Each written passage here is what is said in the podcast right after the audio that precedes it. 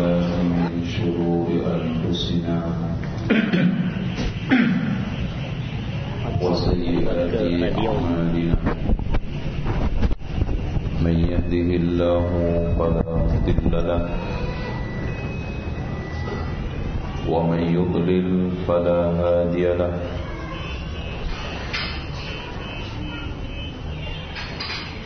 أشهد أن لا إله إلا الله وحده لا شريك له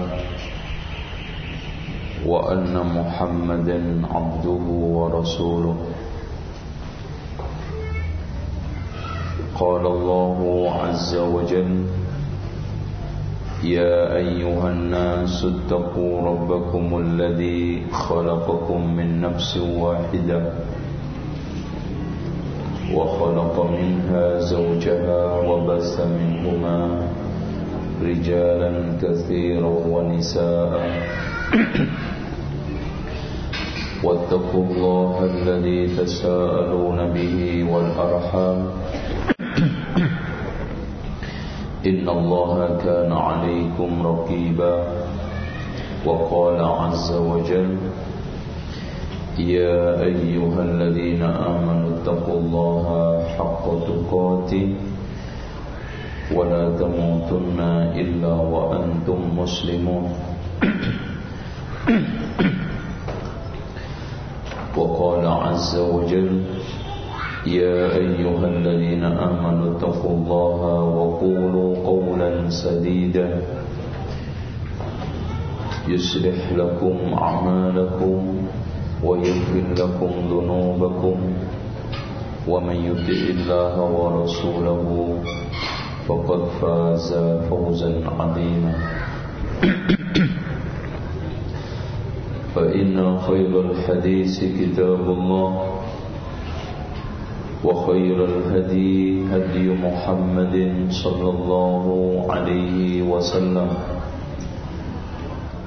وشر الأمور محدثاتها وكل محدثة بدعة وكل بدعة ضلالة وكل ضلالة في النار pendengar Radio Roja cabang Bandung dan juga hadirin sekalian ikhwani wa akhwati fillah terutama yang bisa hadir tepat waktu dan di awal waktu. Insyaallah mendapatkan doanya Rasulullah. Burika fi ummati fi bukuriha. Semoga Allah memberkahi umatku di segeranya. Bukur itu maknanya segera. Dari kalimat bakroh Yaitu yang paling awal yang segera Walaupun sore Gak harus maknanya pagi. Dan Alhamdulillah Kita bisa betah duduk Di Rawdatul Jannah Yaitu majlis zikir. Yang Rasulullah sallallahu alaihi wasallam mengatakan idza marartum bi riyadil jannati farta'u jika kalian melewati taman surga hendaklah bersimpuh. Waqila wa ma riyadul jannah. Apa yang dimaksud dengan Rawdatul jannah? Kata Rasulullah Halqatul zikir Halaqat zikir. Dan halaqah zikir yang dimaksud sebagaimana yang telah ditegaskan oleh Imam Atha Al-Khurasani majlis yang membahas halal haram. Majlis yang membahas apa tadi? Halal haram. Karena dengan majlis itu kita diingatkan, makanya dikatakan zikir akan hak Allah dan apa-apa yang dicintai Allah dan dibenci Allah yaitu syariat halal haram sunnah bid'ah taat maksiat tauhid syirik itu didapat di majlis zikir termasuk tata cara menikah adab cerai dan rumah tangga yang kita bahas Hadirin yang dirahmati oleh Allah, pembahasan kita kabut. Berarti kabut itu gimana, Pak? Belum tahu kabut? Kok nggak ada yang jawab, Pak? Kabut berarti Iya. Gelap sih enggak, tapi membuat susah orang melihat. Cuma kalau nak ada hitamnya Jadi kabutnya semakin kelam Yang juga disebutkan dalam hadis Rasul Dari Hudaifah ibnul Yaman Kana Rasulullah Kana nasu yas'aluna Rasulullah Anil khairi Wa kuntu as'aluhu anil syar Makhafata ayyudrikani Hadis panjang yang ada di dalam Bukhari Muslim Manusia rata-rata bertanya kepada Rasulullah tentang kebaikan. Aku saja yang menanyakan tentang keburukan, takut tercebur ke dalamnya. Ya Rasulullah, qad Allahu biha kunna maaf. Kunna fi jahiliyatin wa syarr. Kami dulu hidup di dalam kondisi jahiliyah dan keburukan. Wajah Allahu bihadzal khairi kemudian Allah datang dengan kebaikan ini yaitu Islam. Wahal ba'da hadzal khairi min syarrin apakah setelah kebaikan ini ada keburukan? Na'am. Kata Rasul yaitu zaman terbunuhnya Abdullah ibnu Zubair dan Hajjaj serta Mukhtar yang dikatakan oleh Rasulullah akan ada dua umat dua orang dari umatku ini kazzabun yaitu Hajjaj eh, yaitu Mukhtar wa mubirun haus darah yaitu Hajjaj ibnu Yusuf wa hal ba'da hadha syarri minal khair Apakah setelah keburukan itu masih ada kebaikan? Naam wa fihi dakhon. Tapi ada dakhonnya yaitu kabut. Wa ma dakhanuhu apa dakhonnya? Qaumun yastannuna bi ghairi sunnati wa yahduna bi ghairi hadi muncul sekelompok kaum yang menggunakan sunnah bukan sunnahku, petunjuk bukan petunjukku, alias muncul ahli bid'ah di tengah barisan kaum muslimin, yaitu setelah terbunuhnya Utsman Umar ibn Khattab. Kemudian setelah itu terus sampai fitnah bid'ah tidak bisa dibendung karena Rasul mengatakan akan ada antara kamu dengan pintu wahai Umar. Apakah pintunya dijebol atau dibuka normal? Dijebol. Berarti kata Umar tidak bisa ditutup selamanya. Maknanya apa Pak? Pintu sunnah sudah diterabas oleh bid'ah. Yang tidak bisa dibendung terus. Bahkan sejak itu muncul tokoh-tokoh.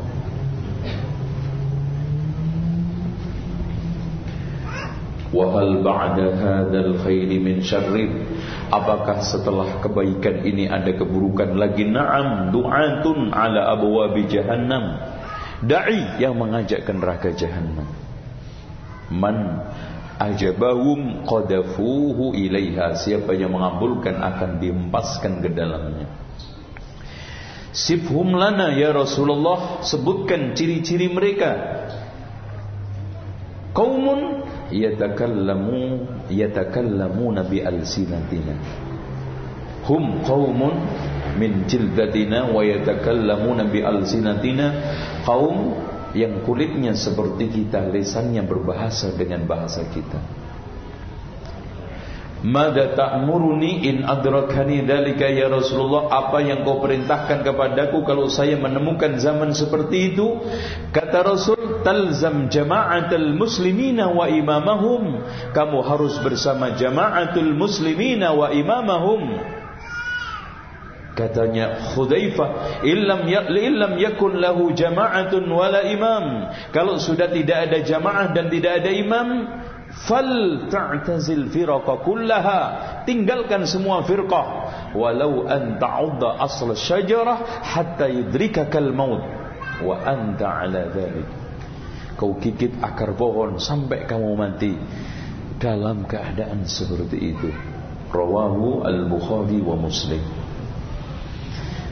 Hadirin sekalian yang dirahmati oleh Allah. Munculnya fenomena kabut hitam di keluarga muslim tidak lepas dari kondisi hadis tersebut. Adanya kaumun yastannuna bighairi sunnati. Adanya du'atun ala abwabi jahannam Makanya di sini yang paling utama ini juga persis yang dikatakan oleh Allah di dalam surat Ali Imran wa may ya'tasim billah faqad hudiya ila siratim mustaqim. Kuncinya kita gigit akar pohon yaitu pohon syariah yang sumbernya dari Alkitab wa sunnah. Makanya wa may ya'tasim billah faqad hudiya ila siratim mustaqim kunci. Gak ada jamaah, gak ada imam, jangan kebingungan. Masih ada syariah. Akar syariah yang begitu kokoh. Yang kata Rasulullah sallallahu alaihi wasallam di dalam hadis sahihnya, "Inni qad taraktukum, qad taraktu fikum." Ya. As-saqalaini Kitabullah وهو الحب وهو حبل متين بين السماء والأرض وعترة أهل بيتي dalam lafaz muslim ahlu baiti udzakirukum fi ahli baiti dalam lafaz yang antum biasa kenal taraktu fikum amrayni in tamassaktum bihima lan tadillu ba'di kitabullah wa sunnati. Dalam lafaz lafaz yang dihadirkan oleh Imam Muslim juga Abu Dawud Tirmidzi antum tus'aluna lafaz Muslim lafaz Abu Dawud dan Tirmidzi antum mas'uluna anni. Dalam lafaz Imam uh, Ahmad ahlu bait wa itrati kitabullah wa itrati ahli baiti. Innahuma lan yattariqa hatta yarida alayya al-haud duanya tidak akan bisa sampai melewati haud yaitu telaga. Dengan demikian hadirin sekalian di tengah kabut yang kelam rumah tangga muslim insyaallah tetap selamat kalau berpegang teguh itu sehingga di sini laki tetap ngaji, perempuan tetap ngaji sampai mati. Jangan ngaji dibatasi, oh, udah deh kayaknya saya sudah sukses dapat akhwat. Akhirnya bray Ngajinya mundur teratur. Akhirnya apa? Giliran terhempas masalah mulai tat, nah, telepon, konsultasi, ya, ya, atau muter ke beberapa konsultan. Akhirnya nggak dapat jawaban namanya aja konsultan. Takon usul dibayar kuntan. Nah itu. Eh, ente kan takon tanya tuh. Usul ini loh pak harusnya. Bayar kuntan. Islam. Ya ikhwan. Anda jangan percayakan kebingungan rumah tangga ngurusin anak dengan psikolog. Karena pada akhirnya mereka juga orang yang paling bingung. Katanya profesor, katanya dokter Badriyatin. Di dalam kitabnya Psikolog Islam. Psikologi Islam. Ada Alkitab yang Allah katakan, lihat, Ar-Rahman علم القرآن خلق الإنسان علمه البيان Antum kurang apa? Allah ngajari kitab kita dengan memanggil ke nama paling Al-Hayyul Qayyum paling tinggi paling agung eh, sebelumnya Ar-Rahman Ar-Rahim sebelum Al-Hayyul Qayyum makanya dipakai menyebut Bismillahirrahmanirrahim. Ini nama paling agung tiga. Pertama Allah Ar-Rahman Ar-Rahim. Ya itu.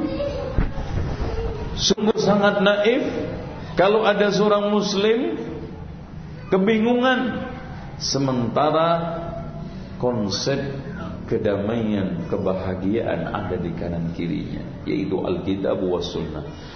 Rasulullah mengatakan taraktu fikum uh, taraktukum 'ala al-mislil bayda. Telah aku tinggalkan kalian di atas ajaran yang putih bersih lailuha kanahariha malamnya seperti siangnya la yazighu anha tidak ada yang berpaling darinya illa halikun pasti hancur Makanya hancurnya rumah tangga, hancurnya masyarakat, bahkan hancurnya negara. Karena berpaling dari Alkitab was sunnah.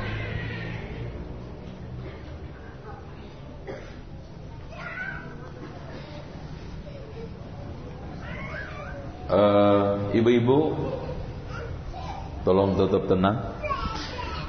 Saya minta airnya pak. Kayaknya susah air ya di Bandung. Ya Insya Allah ini gelasnya kecil pak. Ini. Yang gede kan enak sekalian. Nawar biasanya. Oke kita lanjut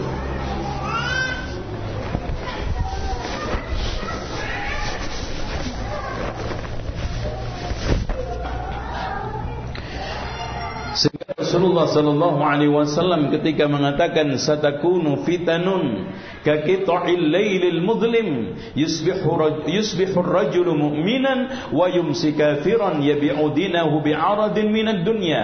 Akan terjadi fitnah seperti malam pekat. Gelap gulita pagi mukmin sore kafir menjual keuntung menjual agamanya dengan sedikit keuntungan dunia. Solusinya apa ketika Rasulullah mengatakan kepada sahabat satakunu fitanun. Akan terjadi fitnah. Apa yang kau perintahkan kepada kami wahai Rasulullah? Tarji'una ila amrikumul awal kamu kembali kepada urusan kamu yang pertama yaitu alkitab wa sunnah yang dipahami oleh generasi awal. Makanya Imam Malik mengatakan lan yusliha lan yusliha amra hadhil ummah. Illa ma aslaha awwalaha. Atau lan yuslih hadhil ummah illa ma aslah awwalaha. Tidaklah bisa membenahi umat ini kecuali yang telah bisa memperbaiki awalnya dulu. Dengan apa? Alkitab wa sunnah ala fahmi salafil ummah Antum lihat mas, ihdinas siratal mustaqim yang diberikan konsep oleh Allah. Ya Allah, tunjukkanlah kami di dalam memahami dan mengamalkan siratal mustaqim. Menurut Abdullah ibnu Abbas adalah Al-Quran. Siratul mustaqim menurut Abdullah ibnu Mas'ud adalah al-Islam. Siratul mustaqim menurut Ali bin Abi Thalib adalah kitabullah. Siratul mustaqim menurut Abul Aliyah salah seorang tabi'in adalah cara beragamanya Abu Bakar Umar radhiyallahu anhuma. Coba kalau kita artikan. Ya Allah, tunjukkanlah kami di dalam memahami Islam Al-Quran seperti pemahaman an'amta. Siapa mereka an'amta alaihim? Dijelaskan oleh Allah di dalam surat An-Nisa ayat 69. Fa yuti'illaha war rasula fa ulaika ma'al ladzina an'ama Allahu alaihim minan nabiyyin. Nabi terdepan adalah Muhammad sallallahu alaihi wasallam, nabiyuna jami'a. Siddiqin manusia paling jujur setelah Rasulullah adalah Abu Bakar As-Siddiq. Syuhada manusia yang mati syahid dijamin surga adalah Abu Umar, Utsman, Ali dan mereka yang wafat perang Badar, perang Uhud dan perang bersama Rasulullah. Salihin manusia terbaik setelah Rasulullah adalah pada umumnya sahabat terdepan khulafaur rasyidin. Makanya saat terjadi perselisihan banyak apa kata Rasulullah? Alaikum bisunnati wa sunnatil khulafair rasyidin. Dan solusi iftirak dari 73 semuanya di neraka kecuali satu. Rasul katakan apa? Ma ana alaihi wa ashabi. Siapa yang satu itu? Mereka yang berada di atas ajaran saya dan ajaran sahabat saya terdepan khulafaur rasyidin. Ya itulah jamaah, itulah yang memberikan solusi akan pecahnya rumah tangga kita. Kabut hitam yang menimpa rumah tangga kaum muslimin sekarang kebanyakan. Memang betul mas. Sekarang kita lihat musuh Islam telah menyerang dari dua arah. Arah internal dari kaum muslimin sendiri yaitu munafikun. Maka yang dikatakan oleh Allah وإذا قيل لهم تعالوا إلى الله وإلى الرسول رأيت المنافقين يسدون عنك سدودا الله أكبر dari kaum Nasara wadda katsirum min ahlil kitab law yaruddukum an dinikum in istata'u oh kalau dia mampu walan tarda ankal yahud walan nasara hatta tattabi'a millatahum. Bahkan mereka menyerang dari dua arah. Dari menimbulkan keraguan dan syubhat dan menciptakan permusuhan di kalangan muslimin. Terutama permusuhan rumah tangga. Yang akhirnya setanlah iblislah yang berbahagia karena apa yang menyenangkan iblis pasti tidak disukai oleh Allah dan apa yang dibenci oleh Allah pasti sangat disenangi oleh iblis. Dan iblis Allah katakan eh, Rasulullah menegaskan tentang kondisi iblis Inna iblisa yad'a arsahu 'alal ma Sesungguhnya iblis meletakkan singgasananya di atas air. Hadis ini dikeluarkan oleh Imam Muslim. Inna iblisa wada'a arsahu 'alal ma. Sesungguhnya iblis meletakkan singgasananya di atas air. Fayabuthu tharayahu min huna fa'a'dhamuhum manzilatan a'damuhum fitnatan au wa aqrabuhum minhum manzilatan a'damuhum fitnatan tentara yang paling dekat dengan iblis adalah tentara yang paling berat dan besar fitnahnya Laporan kepada iblis Saya telah tinggalkan mereka kufur. Kata iblis sebentar lagi tobat. Gak ada manfaatnya. Saya tinggalkan dia begini-begini Tetap dia Tetap kata iblis Sebentar lagi dia sadar. Yang satunya lapor saya tidak tinggalkan suami istri Melainkan telah bercerai. Langsung dirangkul Dan dikatakan Ni'ma anta Sebaik-baik pasukan adalah kamu. Ah. Mana yang paling disenangi iblis? Cerai. Karena kalau sudah cerai luka. Kalau sudah luka susah untuk dibalut. Lukanya tembok Mungkin gampang dipoles. Lukanya hati susah untuk diobati pecah. Apalagi Rasulullah SAW mengatakan qad ya'isa syaitan telah malas dan frustasi serta putus asa. Itu maknanya. Telah putus asa, iblis setan bikin kalian menyembah mereka. Walakin tahrish bainahum akan tetapi kalian diadu, ha? Antar suami istri, antar tetangga, antar dai, antar kiai, antar ulama. Akhirnya apa ada yang serius? Yang tepuk tangan, yang berbahagia, yang senang. Ib Siapa? Iblis. Nah, sama adiknya iblis. Itu iblis, iblis. Tolong antum bekerja sama dengan istri Istri bekerja sama dengan suami untuk mengalahkan satu musuh yang dibalik tabir itu. Bukan ini maksudnya. Yaitu asyaiton. Dengan cara kompak Jangan terpancing isu, jangan terpancing gosip, jangan nurutin nafsu, jangan nurutin keinginan-keinginan sesaat. Mari kita bersama-sama kompak keluarga sunnah, keluarga Islam, keluarga ahli sunnah harus menjadi contoh yang baik tapi jangan yang jelek. Udah pada ngaji, ya, yang diomongin cerai aja. Ngatur rumah tangga nggak bisa. Itu. Kadang-kadang mengendalikan emosi susah dikit-dikit jatuh cerai mana pengamalan kita terhadap ngaji-ngaji yang sudah bertahun-tahun sampai lumutan ya bu? Ibu? Dengar nggak bu? Bu ya? Ya bu? Ya buaya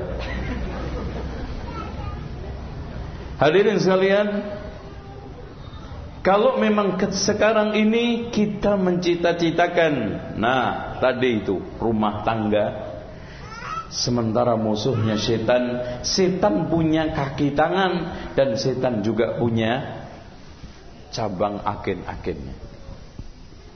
Di antaranya yang sekarang ini paling rentan merusak rumah tangga muslim dengan atas nama hak asasi manusia. Nah, saya angkat di kitab saya kalau jantan ceraikan aku, hak asasi manusia. Dari situ mereka memaknai wanita harus kita bebaskan dari keterbelengguan. Tradisi budaya yang mengikat apalagi budaya Arab. Pakaiannya Masya Allah Belum lagi nggak boleh keluar nggak boleh melihat eh, dengar radio Nonton TV Mutlak.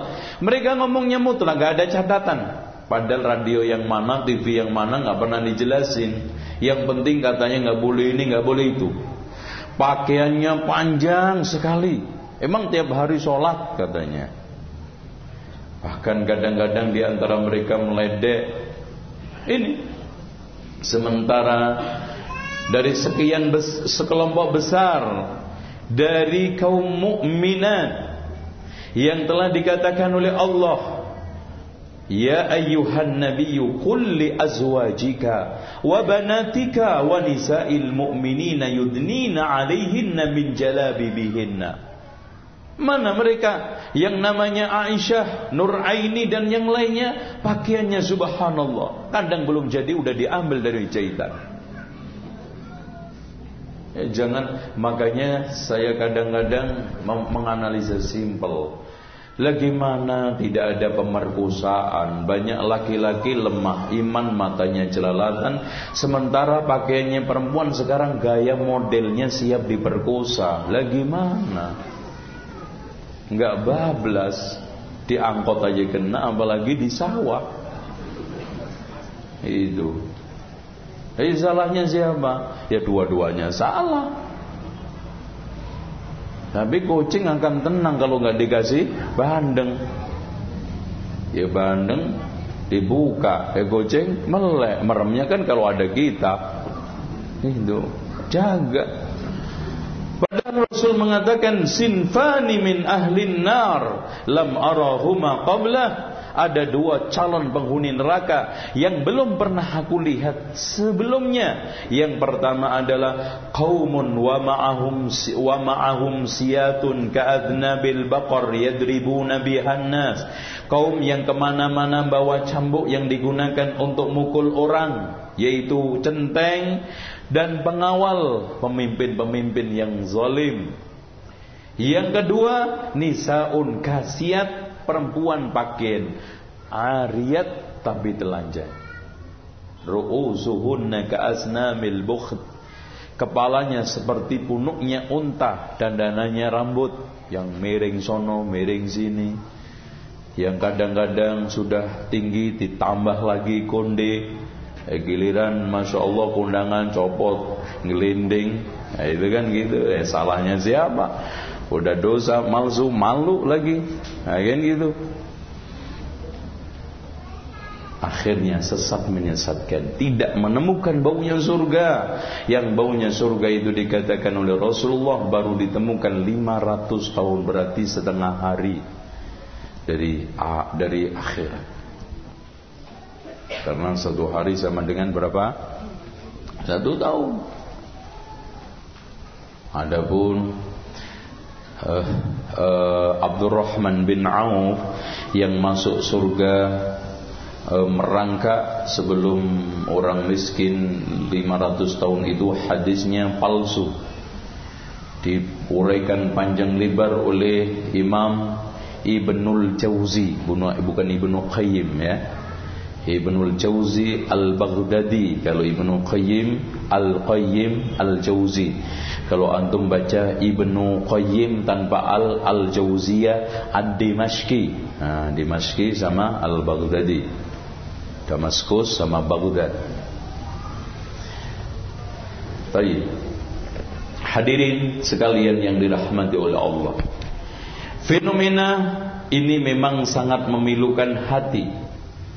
Wanita-wanita sekarang sudah tidak mau terikat oleh norma agama.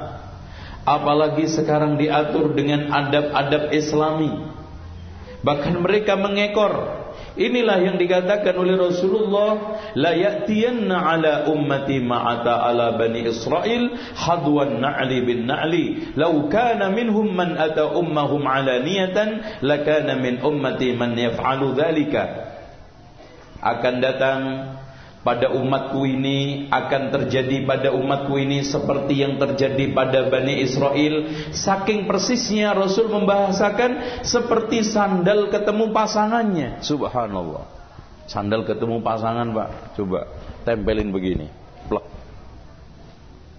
Kalau seandainya di antara mereka berzina terang-terangan di pinggir jalan umatku juga akan menirunya Artinya ini sama dengan la tattabi'unna sanana man kana qablakum shibran bi shibrin dhira'an bi dhira'in law dakhalu juhra dabbin la dakhaltumu. Kalau kalian kalau mereka masuk ke liang hewan seperti biawak, kalian juga masuk juga. Pak, bukan berarti ada orang Yahudi masuk liang biawak.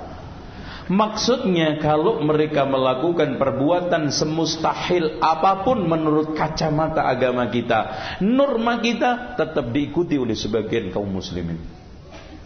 Antum lihat sekarang apa yang tidak diikuti. Sekarang di Amerika ada idol, di sini juga ada dodol. Idol juga kan? Ada American Idol, Asia Idol, Smackdown, olahraga liga-ligaan di sini juga ada liga jarum super jarang di rumah suka pergi ya dengan gitu. Ada lagi subhanallah. Tapi kalau yang benar nggak ada. Pernah orang Indonesia bisa bikin peluru kendali robot canggih mobil mewah? Nggak bisa. Yang jelek-jelek paling gampang. Antum lihat media elektronik dari mulai A sampai Z-nya semua ketawa. Hei orang Indonesia itu ahli ketawa. Kalau enggak gitu siluman. Nyilip nyi blorong, nyi roro kidul, mak lampir, mak ah, itu terserah mak-mak itu. Itu. Subhanallah TV dibikin mahal-mahal Dibikin siaran Nangkep hantu Toyol Babi ngepet Coba lihat Murahan rendahan Pengaruhnya ke rumah tangga Eh pasti pasti kan ibu-ibu sebelah ini kan paling seneng sinetron. Judul ngaji putus, nggak peduli. Judul sinetron putus, wah mbak. Satu ini enak banget tuh nggak ngomong. Nah itu dah. Wah ngemannya kayak apa itu. Padahal sinetron itu ngajari cuma lima kebanyakan. Satu, sinetron ngajari perempuan pinter ngeyeli suami. Wah, orang kalau patuh kan dilatih terus tuh tengkar. Yang kedua pinter belanja, yang ketiga pinter nyolong suami orang. Nah itu ya ngerebut suami orang, yang yang lagi istri orang. Yang kelima dandan serono yang tidak punya adab sama sekali etika. Jangankan Islam ketimuran aja enggak. Tapi aneh, itu pun ditonton. Yang lebih lucu lagi sudah jelas komoditi dosa, maksiat, gosip dan naudzubillah kadang-kadang gosip artis itu yang ditayangkan adalah hal-hal yang sangat tidak bisa dikeluarkan dari rumah itu menjadi tayangan utama. Alhamdulillah. Ini ini kabut yang pertama. Kabut yang kedua emansipasi. Ah, emansipasi. Bismillah. Silakan diminum, Pak. Bismillah.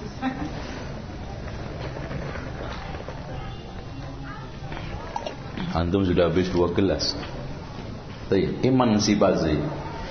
Kalau yang dimaksud emansipasi adalah penyamaan kesetaraan derajat dalam mengejar surga pahala jempol. Karena memang Allah katakan uh, di dalam hadisnya uh, eh di dalam firman Allah ya, man uh, man salihan wa huwa mu'minun gimana Pak sebelumnya? sebelumnya falanuhyiyannahu hayatan thayyibah Nah, man amila salihan min dzakarin aw untha wa huwa mu'minun min dzakar wa unsa. Laki perempuan. Adapun firman Allah unsa itu dalam hal-hal yang memang manusiawi kodrat fitrah. Sekarang Pak lihat kita sangat kasihan sebetulnya Wanita nganggur kasihan Tapi lebih kasihan Harus kerja di tempat-tempat yang tidak sesuai dengan kodratnya Yang anehnya Lapangan-lapangan kerja Lowongan-lowongan kerja Yang harusnya dimasuki laki-laki Dimasuki perempuan Akhirnya yang sibuk perempuan Yang nganggur laki-laki. Makanya antum lihat dari mulai Kawasan industri Cikarang, Cibitung itu kalau sore yang jemput perempuan lakinya. Di rumah ngeliwet nyuci popok yang di sini bertandang di beberapa tempat mesin-mesin yang berat dan kemudian bersaing dengan berbagai macam pernak-perniknya, usaha, pabrik, industri yang akhirnya kehilangan fitrahnya, kehilangan keaslian naluri yang akhirnya berani sama suami nantang cerai gampang atau mungkin dia merasa punya duit akhirnya angkuh sombong. Karena memang watak manusia kata Allah kalla innal insana la yadgha ar-ra'ahu istaghna. Sungguh manusia itu cenderung melampaui batas ketika melihat dirinya merasa kaya di dalam firman Allah yang lainnya, "Walau basatallahu rizqa li'ibadihi la baghaw." Ah, akan sikap melampaui batas di muka bumi fil ard. Oleh karena itu, sekarang seperti itu. Mas, saya enggak enggak hidup sama kamu juga bisa. Ah, berani. Mas, gini aja deh, Mas. Kalau mau cerai-cerai aja. Itu. Nantang. Kenapa? Dia bisa merasa beli pedak sendiri bisa, gonta ganti pakaian bisa. Apalagi selama ini dia juga nyamplai kebutuhan, terjadi problem. Bahkan kita lebih mengerikan lagi ada perempuan yang jadi petinju, ada perempuan yang jadi akad besi, ada perempuan lagi yang lebih ini lagi mas, apa namanya? Uh, sepak bola ya, sepak bola Ya, masya Allah. Makanya antum kalau melihat olahragawan perempuan sudah nggak ada bentuknya kecuali laki-laki asli. Ya. Dengan demikian hancur.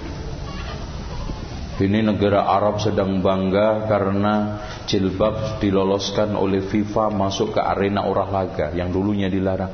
Bangganya apa? Ya, orang jilbaban tapi senam. Namanya pakaian senam apa? Ya meledak. Ya eh, lompat itu. Ya, kayak kedai di jilbabi ya nggak bener. Ada lagi masya Allah yang lebih mengenaskan pak.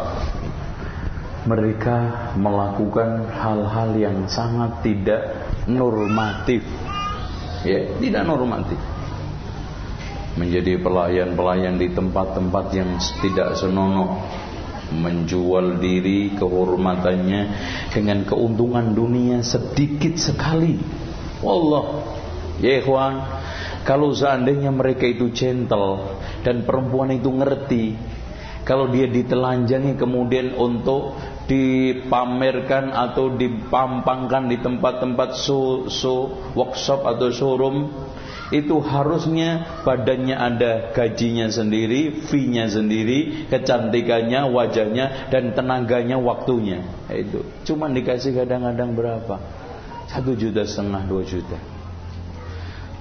Kalau seandainya mereka tahu seperti yang dikatakan oleh kaumnya Nabi Yasin, ya, qila dukhulil jannah قال يا ليت قومي يعلمون بما غفر لي ربي واجعلني من المكرمين Dikatakan kepada mereka masuklah surga Aduhai kalau seandainya kaumku tahu kenapa Allah mengampuni saya Kenapa Allah menjadikan saya terhormat? Karena mengikuti ajaran Alkitab wa sunnah Bukan mengikuti ajaran Al-Iblis wa syaitanah.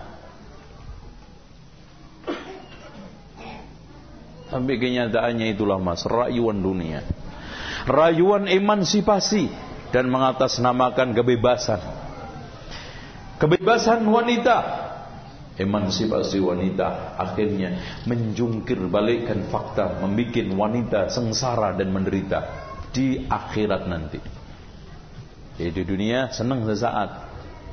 Tapi ketahuilah dia menderita. Ya kalau Dia dimasukkan oleh Allah Makanya Allah telah ingatkan Alam a'had ilaikum ya bani Adam? Alla ta'budu syaitan? Innahu lakum aduun mubin. Wa ani'buduni Hada siratum mustaqim. Walaqad adalla minkum jibillan kasiran Afalam takunu ta'gilun Setan itu sudah menyesatkan sekian banyak orang. Kok yang ikutin juga? Cukuplah pendahulu-pendahulu pengikut setan itu yang sudah tergelincir dan mati dalam keadaan sul khotimah menjadi pelajaran buat kita. Afalam takunu ta'qilu? Mana otak kamu? Hmm, Masya Allah. Hadihi jahannamul lati kuntum tu'adun. Inilah neraka jahanam yang dulu kamu kasih janji. اصلوها اليوم بما كنتم تكفرون اليوم نختم على أفواههم وتكلمنا أيديهم وتشهد أرجلهم بما كانوا يكسبون Udah. Antum terutama akhwat yang sedang tergiur dengan dandanan ala kufar. Baik badannya maupun rambutnya serta pakaiannya. Ingatlah sesungguhnya jahanam itu pedih wa ashabus shimal ma ashabus shimal fi samumin wa hamim وذل من يحموم لا بارد ولا كريم إنهم كانوا قبل ذلك مترفين dalam dalam ruangan yang pengap beracun panas tidak ada naungan yang mendinginkan atau hangat semua kenapa li'annahum kanu qabla dzalika mutrafin mengikuti kesenangan dunia melampaui batas syahwat meninggalkan perintah Allah itu ah mau itu atau mau yang ini وأصحاب وأصحاب اليمين ما أصحاب اليمين في سدر مخدود وطلح منضود وذل ممدود وماء مسكوب وفاكهة كثيرة لا مقطوعة ولا ممنوعة وفرش مرفوعة إنا أنشأناهن إن شاء فجعلناهن أبكارا عربا أترابا لأصحاب اليمين سلة من الأولين وسلة minal akhirin Sullatum minal awalin Sahabat tabi'in Wasabikunal awalan Wasullatun minal akhirin. InsyaAllah yang ada di jiba ganti Masuk semua. Mudah-mudahan nggak bagai mampir. Itu yang paling penting. Nemu nomor berapa tingkatannya? Terutama yang menghafal Al-Quran Pak. Rasulullah katakan yuqalu li sahibil qur'ani yaumal qiyamah ikra wartaqi. Inna manzilataka inda akhiri ayatin taqra'uha. Dikatakan kepada penghafal mahir Quran naiklah karena tingkatan akhirmu nanti di saat terakhir kamu membaca Quran. Hmm. Kalau abal inna tok ya Inna a'dayna kal kausar tok. Wa salli li rabbika wanhar Ya tiga. Yang Baqarah Masya Allah. Itu makanya dia hafal. Antum udah hafal? 30 juz. Juz 30 Gak hafal juga. Keterlaluan Kalau nggak kena 30 juz Juz 30 mendingan. Jangan cuman inna kul huwatini mau tahajud 11 rakaat kehabisan bahan antum ya habis suratnya. Hafalin. Eh, daripada antum ngapalin aneh-aneh. Quran nomor satu. Antum salah hafal syair macam-macam tapi nggak hafal Quran lebih salah lagi apal lagu-lagu aneh-aneh Quran nggak hafal Tuh. Tuh, sekarang kita pindah alasan gender. Hmm. Kesetaraan gender sekarang membuat mereka kalang kabut sendiri. Mereka dihadapkan pada pemerkosaan. Mereka dihadapkan pada wanita-wanita yang menimbulkan fitnah perselingkuhan di kantor, di pabrik, kesetaraan gender. Mereka dibikin repot di parlemen, di tempat-tempat kantor. Dia harus duduk sejajar, tapi tidak beri, tidak bisa memberikan suatu masukan-masukan. Kesetaraan gender, mereka hanya memperalat mengeksploitasi wanita, kehormatan dan kesuciannya untuk menjadi alat alat pengenjot oplah majalah, media dan tabloid alat untuk memajukan perusahaan, alat untuk menambah nominal-nominal suara. Tapi sejatinya dia tidak tidak benar-benar menghormati wanita. Karena keterhormatan di hadapan Allah, inna akramakum indallahi atqakum.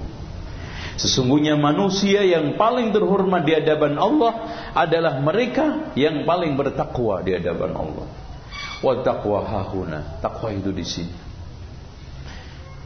Takwa kata Abdullah ibnu Mas'ud an yuta'al an yuta'allah hendaknya Allah itu ditaati wala yu'sa tidak dimaksiati yuzkar wala yunsa. Diingat tidak dilupakan dan yushkar wala yukfar. Disyukuri tidak dikufuri. Itulah hakikat daripada takwa. Berarti di sini seorang wanita yang bertakwa, seorang laki-laki yang bertakwa, maknanya selalu mentaati Allah, tidak memaksiati, bersyukur tidak berkufur, tidak kufur. Dan yang tidak kalah pentingnya berzikir, tidak melupakan Allah. Hadirin sekalian yang dirahmati oleh Allah, selanjutnya mode pakaian dan gaya dandanan. Yang tadi sudah saya singgung ini juga merupakan satu produk globalisasi. Globalisasi yang maknanya era global segala sesuatu yang sekarang ini jauh menjadi dekat. Maka inilah yang dikatakan oleh Rasulullah SAW, la tak Inna min asratis sa'ati ayyata ayyata qarabaz zaman.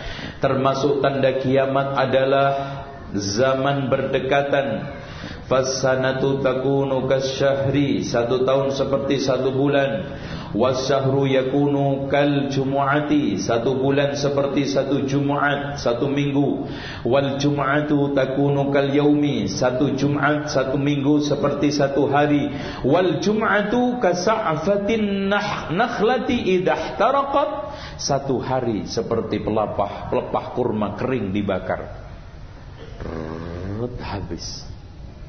Kita datang dari rumah tadi kan Pak. Tahu-tahu mau dohor ini. Udah habis. Pulang habis dohor. Tahu-tahu maghrib. Bangun lagi. Tahu-tahu puasa. Tahu-tahu pergi haji. Subhanallah. Dan sekarang tidak ada jarak antar negara. Sebagai nama juga ideologi sudah hampir tidak ada jarak. Budaya hampir tidak ada jarak. Dari sinilah terjadi campur aduk ajaran ideologi dan peradaban. Akhirnya yang tidak tahan banting, tidak punya kekuatan filter akidah, yakin terhempas. Makanya kata Rasulullah satakunu fitanun Al-qa'idu fiha khairun minal mashi wal mashi fiha khairun mina minal jari. Akan terjadi fitnah, orang yang duduk lebih baik dari yang berdiri, berdiri lebih baik daripada yang jalan, yang jalan. Yang jalan lebih baik daripada yang lari. Satakunu fitanun al-qa'idu fiha khairun minal qa'im wal qa'imu fiha khairun minal mashi wal mashi fiha khairun minal jari. As-sa'i yang duduk lebih baik dari yang berdiri. Berdiri lebih baik dan jalan yang jalan lebih baik daripada yang usaha solusinya. Ini fitnah. Maka anak antum terutama perempuan usahakan. Sejak kecil ditanamkan. Karena kalau antum teledor-teledor gede baru disuruh jilbab sudah terkena lingkungan area anti jilbab. Teman-teman anti jilbab udah antum suruh jilbaban mah gerah sumpek nggak enak. Nggak aduh alasannya banyak. Akhirnya anda setiap hari ngelus dada ya Allah saya dulu itu awam ngaji sampai saya bisa paham jilbab. Yang dulu saya bercita-cita anak saya harus seperti saya. Ternyata subhanallah. Kenapa? Kok tiba-tiba seperti ini? Tolong dicamkan hadirin sekalian tidak ada perkara tiba-tiba dalam dalam masalah pendidikan. Ada suatu proses yang Anda menanamkan hal itu tapi tidak sadar. Anda telah melakukan itu mungkin selama ini tidak menyadari karena kejahilan atau kesibukan atau mungkin Anda anggap sepele tapi itu berat. Ya, karena ketidaktahuan menyebabkan orang itu meringat, meremehkan. Makanya kata Ali bin Abi Thalib, "An-nasu ada'u ma jahilu wal juhala'u ada'ul ulama." Manusia itu cenderung menjadi musuh apa yang tidak diketahui dan orang bodoh itu musuhnya ulama. Itu pas. Makanya kalau antum bertanya, siapa musuh paling ulama? Paling musuh bebuyutan, paling bebuyutan ulama. Ya orang bodoh. Walaupun tidur itu musuh ulama ya walaupun tidur musuhnya ulama jadi musuhnya ulama itu bukan orang hasut ini bukan mereka itu malah menyemangati dengan orang yang ngomongin ini bantah jelek-jelekin malah semangat Bahkan kata Ibnu Qayyim, eh maaf Ibnu Hazm di dalam kitabnya Al-Akhlaq Wasir. Kata beliau, dalam hidup ini yang tidak diomongin orang hanyalah orang gila. Yang tidak dikritik. Orang gila. Makanya kalau antum hidup ini nggak diomongin orang gendengok. Oh itu aman. Paling banter, Mas, orang gila ya. Udah selesai. Gak akan diomongin, wah itu punya mobil ya, barangkali korupsi kali kemarin. Tuh kan ah, kemarin tutup tahun biasanya tutup buku. Ah rumahnya itu kan warisan babahnya. Ah sok banget enggak? Gila selesai. Nah, syariat juga bebas beban syariat. Makanya siapa yang ingin bebas dari beban syariat, nah itu jalan paling utama. Bagus. Enggak pengen sholat, yang ingin puasa nggak kena beban syariah apa aja boleh ada jalannya. Fadhal Ya, kalau waras sehat pengen kayak orang gendeng kan lucu. Lanjut mendingan dikritik dan diomongin orang daripada dipuji orang. Karena kalau dikritik ada pada diri kita koreksi. Kalau tidak simpenan buat akhirat.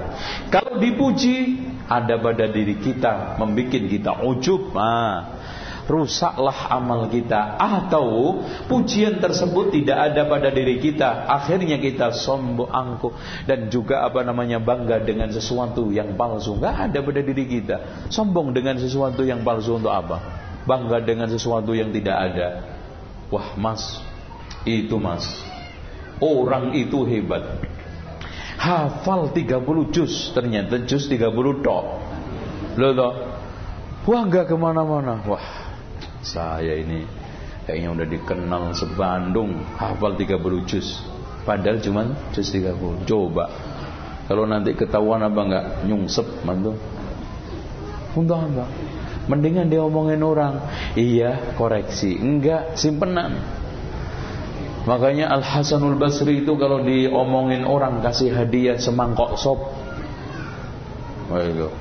Saya hanya bisa membalas kebaikan di dunia, tidak bisa di akhirat. Itu.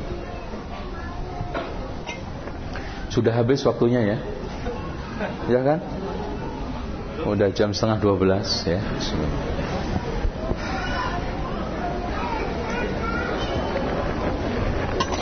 Biasanya kalau ibu-ibu ngomong aja itu pertanda mau selesai.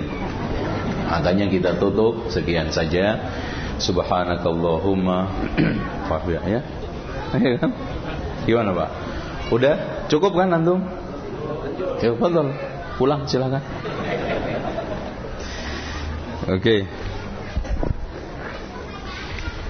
Sekarang kita lanjut soal masalah wanita karir di antara korban kemajuan zaman, globalisasi yang segala sesuatu global, budaya barat timur beradu. Semua yang ada di mana pun akan saling bertukar. Di antaranya adalah wanita karir. Ibu-ibu sekalian tolong dicamkan asli wanita adalah indahnya di rumah. Ketahuilah kenapa Allah menggugurkan Jumat, jamaah, solat dan juga jihad agar kalian maksimal di rumah. Agar kalian menunaikan tugas-tugas inti sehingga surga Anda banyak di sana. Makanya Asma binti Sakan ketika datang ke Rasulullah, ya Rasulullah, laki-laki engkau berikan kelebihan jihad, Jumat jamaah, sementara kami cuma ngurusin anak dan suami. Kata Rasulullah, wa husnu taba'ulika li zawjika yu'adilu dzalika kullah. Kamu perbaiki pelayanan kamu kepada suami kamu, keluarga kamu itu bisa menyamai semua Subhanallah. Coba bayangkan hadirin sekalian. Memang kalau kita lihat suntuk Wah perempuan harus kerjaannya dapur kasur sumur Sumur dapur kasur Sampai tua Sampai tua Kadang-kadang ngurusin anak bolak-balik, bolak-balik ke sekolahan ke rumah. Tapi kata Rasulullah salasun la yaghillu bihinna qalbu mri'in mu'min. Ada tiga perkara yang tidak membuat hati seorang mukmin gampang dongkol ikhlasul amal lillah mengikhlaskan amal karena Allah kalau kita nyuci ikhlas masak ikhlas nyapu nata rumah ikhlas insyaallah endeng. Karena segala sesuatu itu tergantung keikhlasan. Contoh aja orang ikhlas mudik macet 30 jam lancar tetap nyampe kampung kan? Artinya tetap lempeng dijalani dilakoni. Walaupun berat. Macet kadang-kadang pakai motor harus tidur di tengah di di pinggir jalan di mana aja begitu juga perjuangan seorang laki-laki mencari nafkah meras keringat banting tulang karena ikhlas apalagi dibarengi kecintaan cinta karena Allah subhanallah semua itu akan menjadi ending Nah, ada konsep ibu-ibu caranya. Dalam mengejai rumah tangga itu jangan banyak dipikirin, banyak dikerjain. Ibu-ibu sebagian Anda yang kadang-kadang dipikirin aja. Dan lihat cucian numpuk. Aduh, cucian numpuk. Aduh, anak belum mandi. Aduh, kamar berantakan.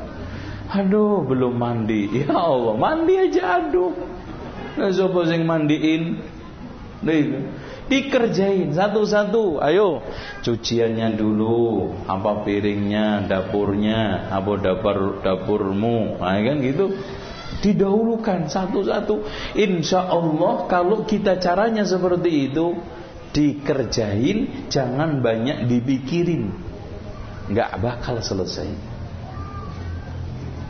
Bismillah dan saya mengerjakan ini lillah untuk cari pahala bukan untuk cari pujian suami. Biar belanjanya nambah. Tidak. Saya bukan caper cari perhatian suami supaya nggak nikah lagi. Tidak. Saya hanya lillah mencari pahala. Dipuji nggak dipuji. Kalau eh, anda ikhlas ngerjai semua itu jadi pahala. Kenapa harus kecewa? Kalau sudah jadi pahala, kenapa harus saya sesali? Apalagi ngomel-ngomel, ngumpat-ngumpat. Dasar lagi udah dibantu ini. Nah, nggak perlu. Dan pelayanan apa pun yang diminta oleh suami akan lancar. Jangan seperti yang dikatakan Rasul, la yanzurullahu ila imra'atin la tashkuru li zawjiha wa hiya la tastaghni anha rawahul Baihaqi fi sunanihil kubra. Allah tidak akan melihat kepada seorang istri yang tidak pernah bisa bersyukur sama suaminya padahal tidak bisa lepas dari dia. Itu maksudnya butuh terus itu loh. Kadang-kadang lantang cerai-cerai ditinggal bener nangis. Itu loh, nangis. Gak ada satu wanita pun yang tidak butuh suami. Makanya kata sang kata pepatah suami sebatang kara kayak kayu mendingan daripada nggak ada. Karena memang penting. Untuk berkeluh kesah apalagi wanita itu semakin lama semakin dhaif semakin lemah. Itu. Itu. Nah kalau sekarang ini wanita harus berkarir maka boleh-boleh saja bekerja dengan syarat satu pekerjaan tersebut sangat dibutuhkan. Ini nomor satu. Umpamanya dia ditinggal suaminya meninggal dunia atau hidup sendirian anak banyak gak ada yang memberikan nafkah.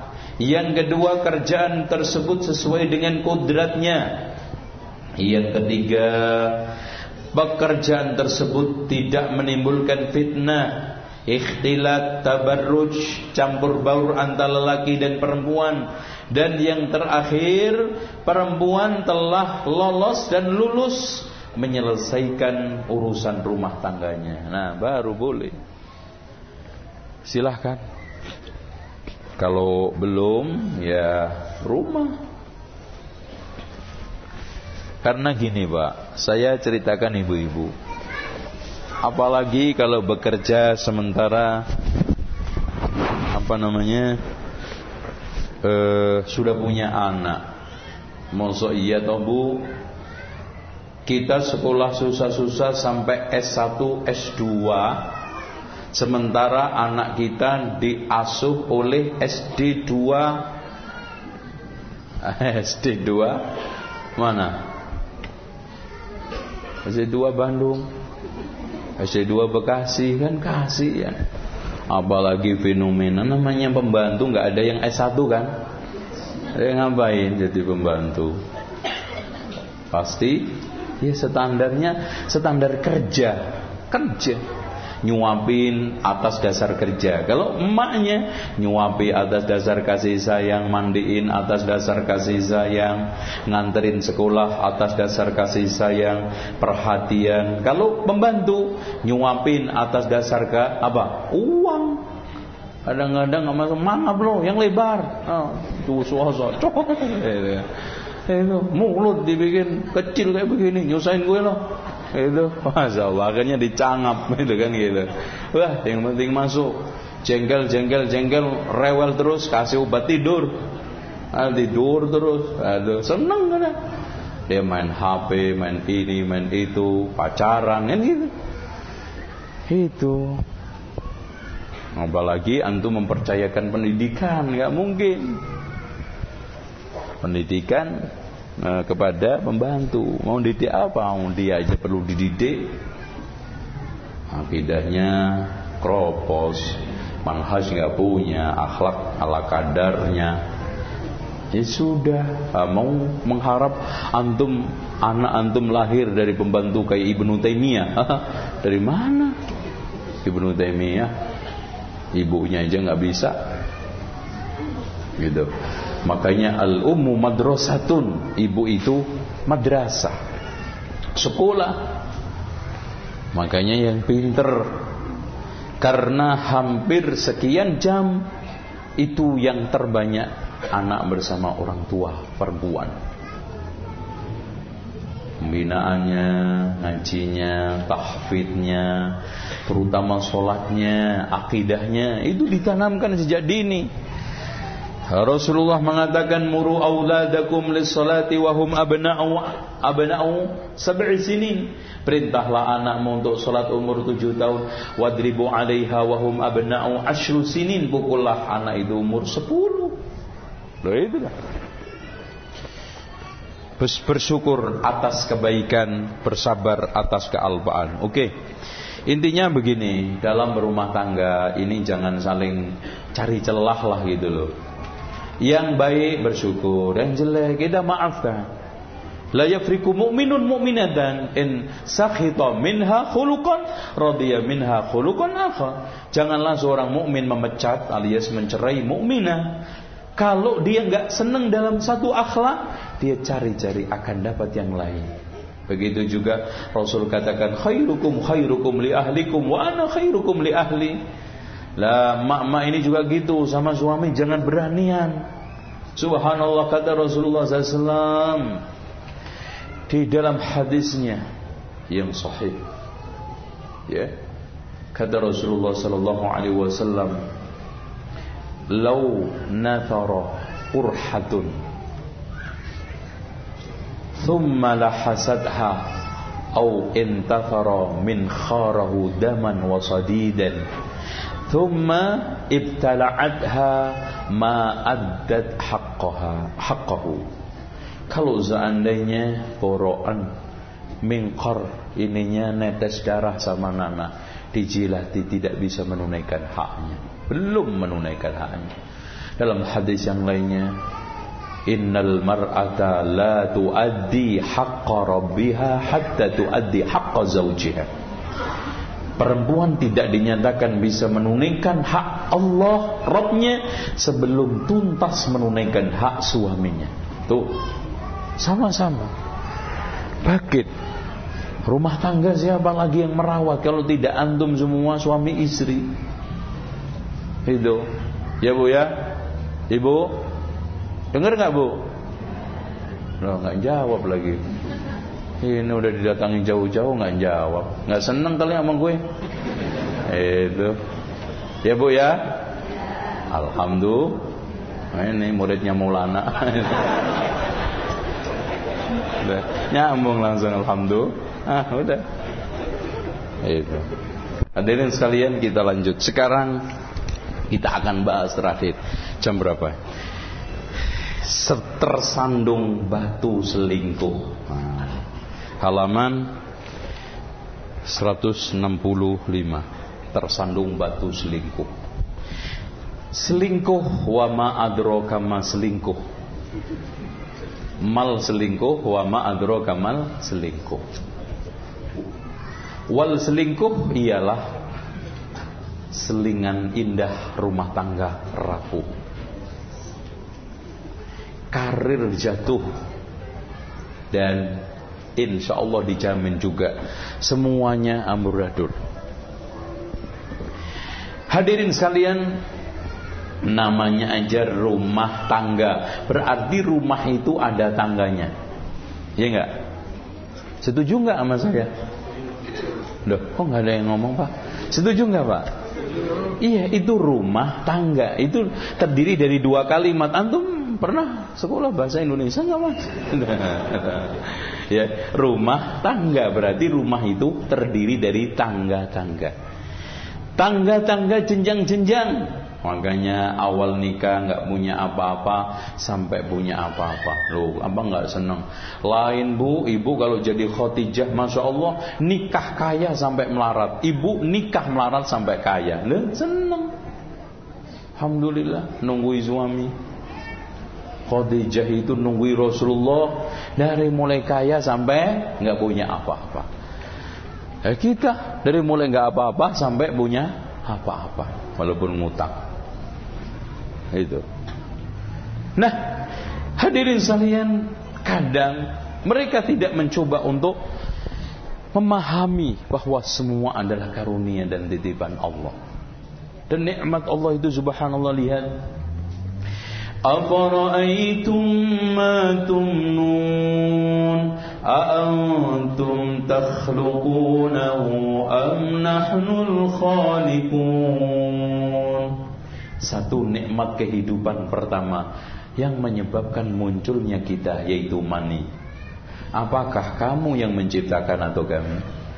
Afaraitum ma tahrusun A'antum tazra'unahu am nahnu zari'un Apakah kalian tidak memperhatikan tanaman yang tumbuh terus-menerus membesar? Apakah kalian menumbuhkan atau kami?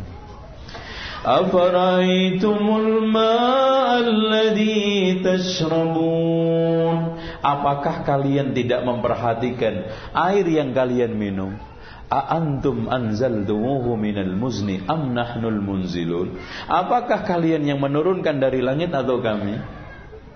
Lau nasha'u la ja'alnahu jajan walau la tashkurun. Kalau seandainya saya jadikan keruh terus, ente minum apa? Hafaraitumul nar allati turun.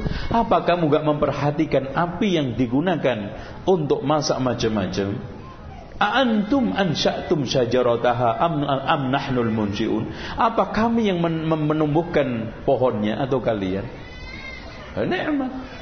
Wa in ta'udhu ni'matallahi la tuhsuha termasuk nikmat rumah tangga ini. Makanya kata Rasulullah SAW, saya tidak melihat orang yang bercinta lebih daripada menikah. Ya kita telantarkan dengan cara apa? Selingkuh. Hadirin sekalian, sekarang kita akan bahas zina dulu. Hewan pun tak mau berzina. Loh, kan gitu. Lihat cerita ketek. Nah, ini ada ketek cerita dikit. Di, diriwayatkan oleh Imam Al-Bukhari kisah ketek. Ketek itu tau nggak Mas? Monyet. Ya, monyet ya. Itu bahasa kerajaan saya ketek. Nah, kalau di sini apa Mas? Bahasa kerajaan Sunda apa? Nah, itu. Pernah ada monyet yang berzina. Kemudian setelah itu semua gerombolan monyet merajam dia sampai mati. Subhanallah. Kenapa manusia yang dikatakan oleh Rasulullah kalau sudah terjadi pada umat ini tunggulah kehancuran. Ya. Idza dhaharul fahishatu fi kibarikum. Kalau sudah nampak kekejian didominasi oleh orang gedean di antara kalian. Wal mulku fi sigarikum kekuasaan dipegang orang kecilan di antara kalian wal ilmu fi radalatikum ilmu dipegang orang-orang kecilan di antara kalian yang gede tukang zina kekuasaan dipegang orang kecil-kecilan ilmu dipegang orang ruwaibidah yang tidak kapabel sama sekali bahkan ada ahli agama paling tidak ahli agama semua ahli, nyanyi ahli, joget ahli, semua ahli kecuali satu agama tok. Fas'alu padahal ahla dzikri in kuntum la ta'lamu. Hancur. Ikhwan zina. Zina itu dosa besar. Dikatakan di dalam firman Allah ya, wala taqrabuz zina innahu kana fahishatan wa sabila. Jangan deket-deketi zina karena zina itu sekecil-kecilnya perbuatan dan sejelek-jelek jalan hidup yang ditempuh oleh manusia. Imam Syafi'i menegaskan dalam syairnya, "Wa man yazni yuzna bihi walau bijidarihi fa'lam ya dzal fata in kunta tafhami wa man yazni fi baitin bi alfi dirhami yuzna fi baitihi bi ghairi dirhami." Barang siapa yang berzina di suatu rumah, rumahnya akan ditempati zina, walau di pinggir temboknya. Fahamilah wahai orang yang cerdas kalau mau menggunakan akal sehatnya. Barang siapa yang berzina di, di suatu rumah dengan bayar 2000 dirham, suatu ketika rumahnya akan digunakan zina gratis nggak bayar. Tidaklah seorang hamba berzina Melainkan Allah akan menarik cahaya iman dari hatinya Kata Abdullah ibnu Abbas Tidaklah ada seorang berzina Melainkan Allah tarik iman dari hatinya Sehingga halawatul iman itu tidak ada Ya, karena dia mendahulukan cinta syahwat daripada Allah. Padahal halawatul iman didapat salatum man kunna fi wajada bihinna halawatul iman.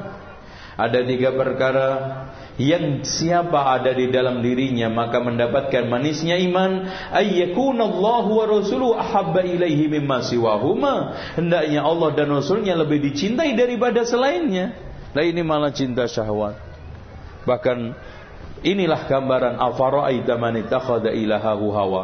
Tahu enggak kamu ingin ingin tahu enggak siapa yang menjadikan orang hawa nafsunya sebagai Tuhan? Itu. Afara'aita man ittakhadha ilahahu hawa. Hawa nafsu zuyyina lin-nasi hubbu syahawati didulukan oleh Allah apa? Minan nisa karena ma taraktu ba'di kata Rasul. Ma taraktu ba'di fitnatan adarru 'ala rijali minan nisa. Saya tidak tinggalkan fitnah yang lebih berat buat laki-laki ketimbang perempuan. Bahkan Rasulullah mengatakan fattaqun nisa fa inna awwala fitnati bani Israel kanat fin nisa. Takutlah, bertakwalah kamu kepada Allah tentang masalah fitnah perempuan. Karena fitnah pertama kali yang menimpa Bani Israel adalah di perempuan. Ya, bertakwalah kepada Allah dalam perempuan. Makanya Rasul mengatakan juga dalam hadis Muslim innal mar'ata tuqbilu bi surati syaitan menghadap dari depan syaitan wa tudbiru bi surati syaitan dari belakang juga bentuknya syaitan wa man absara dzalika falyati ahlahu fa innahu yaruddu dzalika. Siapa yang kesyaitanan dengan perempuan datangi keluarganya. Udah sama kok. Dia kaki dua dia kaki dua. Nggak ada kaki tiga kan sama. Tangan dua tangan dua. Sama. Itu Makanya di sinilah dianjurkan segera menikah. Membujang terus itu nggak bagus. Apalagi tahun 2012 kiamat mas. Nah, itu jangan macam-macam. Dan itu nggak ingat. Ini bentar lagi. Menurut versi orang Barat, kafir. Hmm, tapi aneh, udah tahu kiamat malah main film. Ini kurang ajar ini orang. Itu kan gitu kan. Ini ngeledek ini orang. Ini kelompok ateisme nggak percaya Tuhan, nggak percaya kiamat. Kalau dia orang percaya kiamat harusnya bukan malah bikin film tobat. Itu ya, di sinilah Ya ma'syarus sabab man istata'a minkumul ba'ata falyatazawwaj. Jangan ditunda-tunda apalagi perempuan. Ya. Kalau sudah umur 30, 35, nah itu sudah susah melangkahnya. Dan antum kalau sudah 40 juga susah merencanakannya. Ya kalau 40 nikah, baru anak 45, masuk SD 50, masuk SMP bawa takkan namanya. Tongkat. Wisuda eh, dituntun nah lucu lucu tuh. Anak wisuda dituntun bapaknya. Nah itu. Ya, sehat, muda, itu.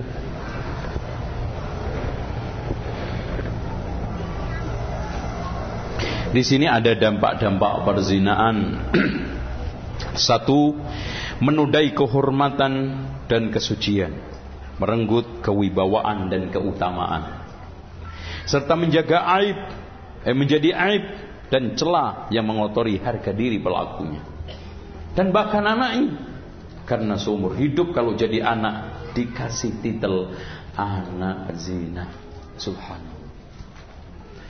Makanya zina itu zalim. Zalim sama perempuan calon suaminya. Laki calon istrinya. Kalau belum nikah. Kalau sudah menikah, na'udzubillah. Na'udzubillah. Manusia paling terkutuk. Ya. Manusia paling terkutuk. Mengkhianati suaminya Padahal kata Rasul kata Allah fasalihatu qanitatun hafizatun lil ghaibi bima hafizallah. Termasuk yang harus dijaga adalah kehormatan dan kesuciannya. Ya. Dan perempuan seperti ini yang artinya tidak atau gampang menerima tangan orang lain itu seperti burung dara yang suka selingkuh itu. Itu. Nauzubillah. Membangkitkan amarah masa. Bahkan Pak Orang-orang kampung itu kalau kalau nanggap orang yang selingkuh zina itu juga ikut nggak setuju walaupun di antara mereka berzina. Oh, berarti semuanya mengatakan jelek. Ya nggak setuju. Dan rata-rata semua orang itu nggak setuju berzina. Itu. Makanya anak muda yang datang ke Rasulullah mau masuk Islam dengan syarat ya Rasulullah izinkan aku zina. Yang lainnya mungkin saya bisa hentikan.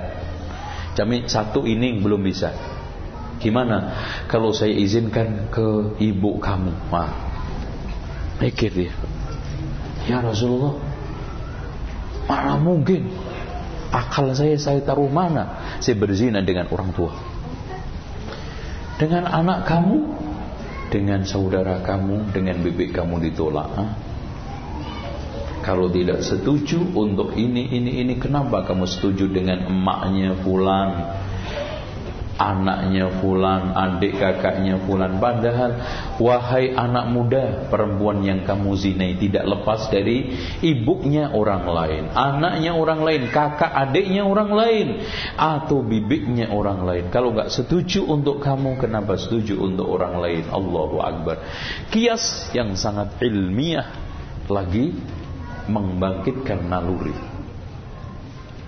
Ya,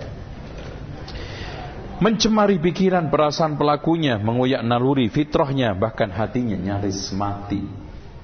Makanya Rasulullah mengatakan ketika ditanya oleh Abdullah ibnu Mas'ud, "Ya Rasulullah, zin eh, do, uh, dosa yang paling besar itu apa?"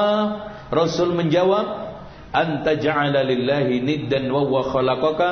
Kamu menjadikan tandingan-tandingan dalam sesembahan bersama Allah. Sementara yang menciptakan kamu adalah Allah. Yang keduanya antuzani bi khalilati jarika. Kamu berzina dengan istri tetanggamu. Oh itu berzina dengan istri tetangga. Makanya dalam hadis lain yang dikeluarkan oleh Imam Al-Bukhari di dalam kitab Al-Adabul Mufrad seandainya kamu saya larang zina kata Rasulullah. Inni anhaakum 'anil zina. Wala antu zani bi ashrati bi ashri niswatin. Ahwanu indallahi min antuzani bi khalilati jarik saya larang berzina tapi kalau seandainya kalian berzina dengan sepuluh wanita itu lebih ringan di hadapan Allah ketimbang satu tetangga karena apa? Menguyak kehormatan hubungan tetangga. Tidak menghormati tetangga bahkan mencederai hubungan. Padahal Rasulullah mengatakan mangkana yu'minu billahi wal yaumil akhir fala yu'dhi jarahu. Siapa yang beriman kepada Allah dan hari akhir jangan nyakiti tetangga. Dan ini tidak ada yang lebih daripada itu. Tetangga sudah tidak aman. Saya tidak akan mungkin bisa hidup terus di sini. Akhirnya pindah rumah dan itu paling jelek tetangga disebutkan dalam hadis adabul mufrad juga kalau kamu punya tetangga yang sudah tidak betah, keluarkan barang-barang kamu di, di, di depan rumah. Dan setiap orang lewat kalau tanya, kenapa kamu, ini tetangga saya jelek, saya mau pergi. Nah apalagi ini pergi benar dan rumahnya dijual. Masya Allah. Nauzubillah. Antum antum ambil apa tanamannya marah tapi enggak enggak terus-terusan. Tapi kalau sudah kehormatannya subhanallah. Merusak tatanan sosial mengguncangkan keharmonisan keluarga merusak hubungan pasutri. Akhirnya dari sekalian kalau sudah terjadi perselingkuhan suami kalau suami istri akan selalu curiga ke mana-mana. Jangan-jangan suami saya ini lagi nggak di kantor sebetulnya. Nah, akhirnya curiga terus kan.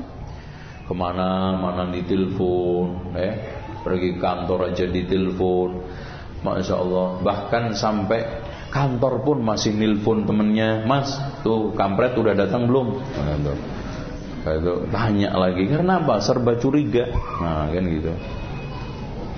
Karena apa awalnya antumnya membuka kecurigaan atau istri Suami mau keluar kota ragu, nggak tenang.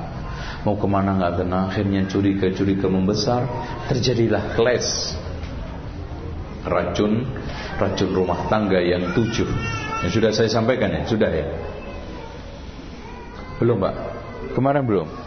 Ya udah cari sendiri aja. Ya, oke. Okay.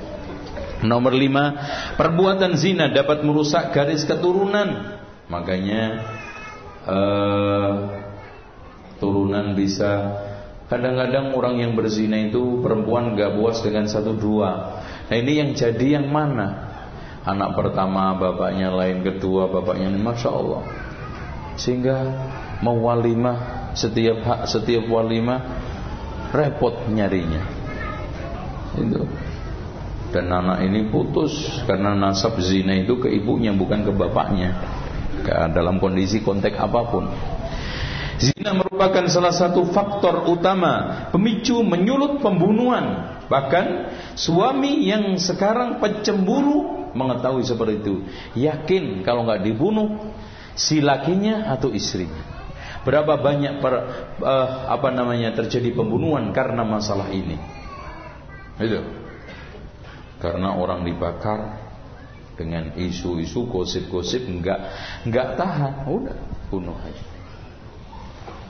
Zina meluluh lantahkan pondasi masyarakat. Karena kalau di kampung di masyarakat itu sudah saling zina nanti sudah menjadi kebiasaan nanti sudah menjadi tradisi naudzu budaya naudzubillah maka bukan merupakan perkara yang nista bahkan biasa itu saling colong-colongan istri orang itu kan. Nauzubillah. Zina mengundang perasaan gundah, sedih, takut.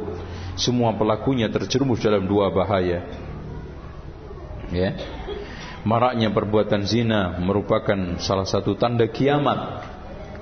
Ya disebutkan dalam hadis Rasulullah sallallahu alaihi wasallam Uh, ada Imam Ibnu Qayyim juga mengatakan ada pun hikmah besar di balik penunturan beliau terhadap dosa zina secara khusus selepas sholat gerhana bahwa merebaknya perbuatan zina merupakan salah satu faktor hancurnya dunia.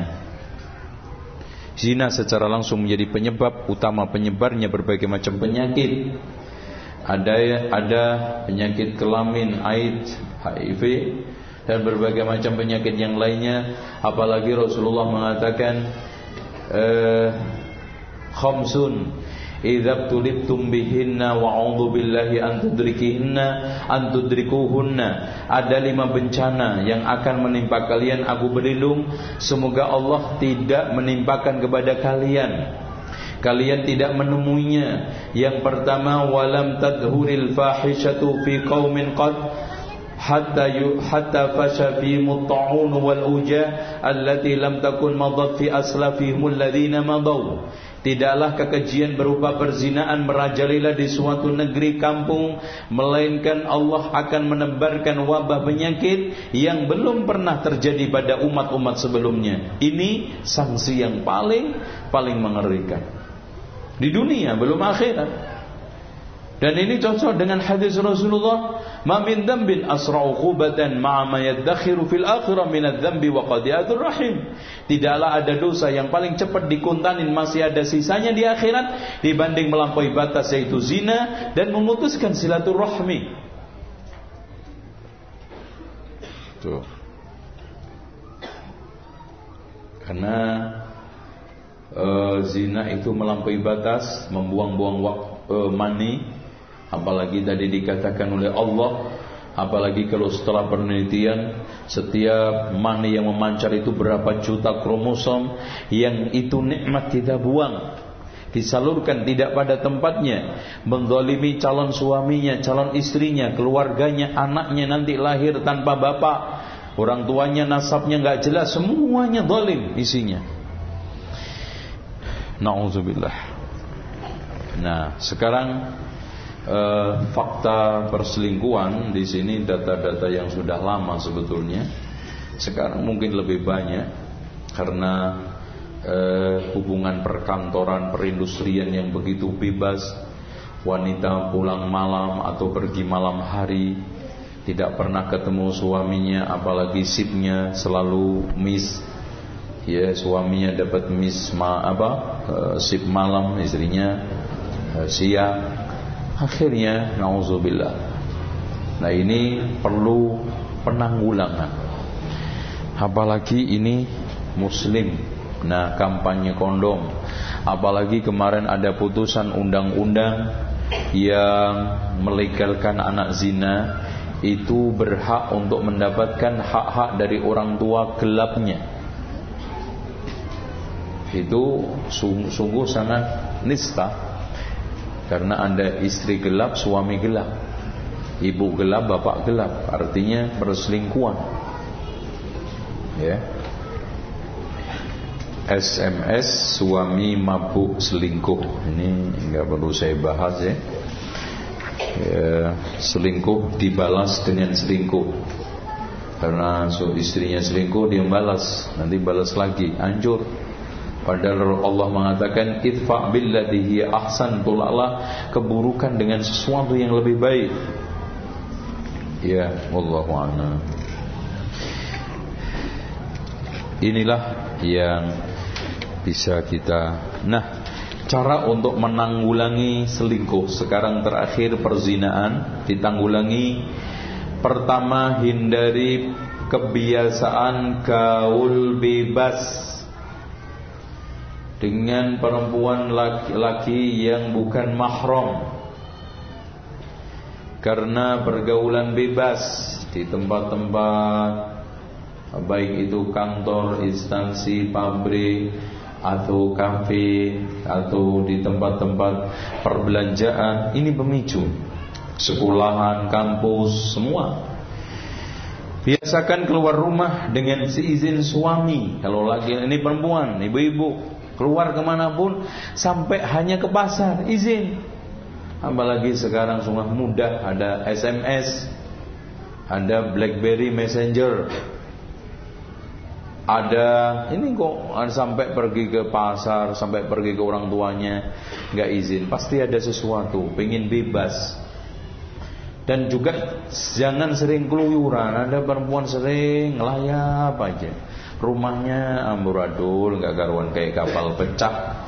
Ditinggal merumpi ke rumah tangga, ke rumah ini, hancur. Eh, sekali-kali aja. Ke pasar setahun dua kali. Bagus.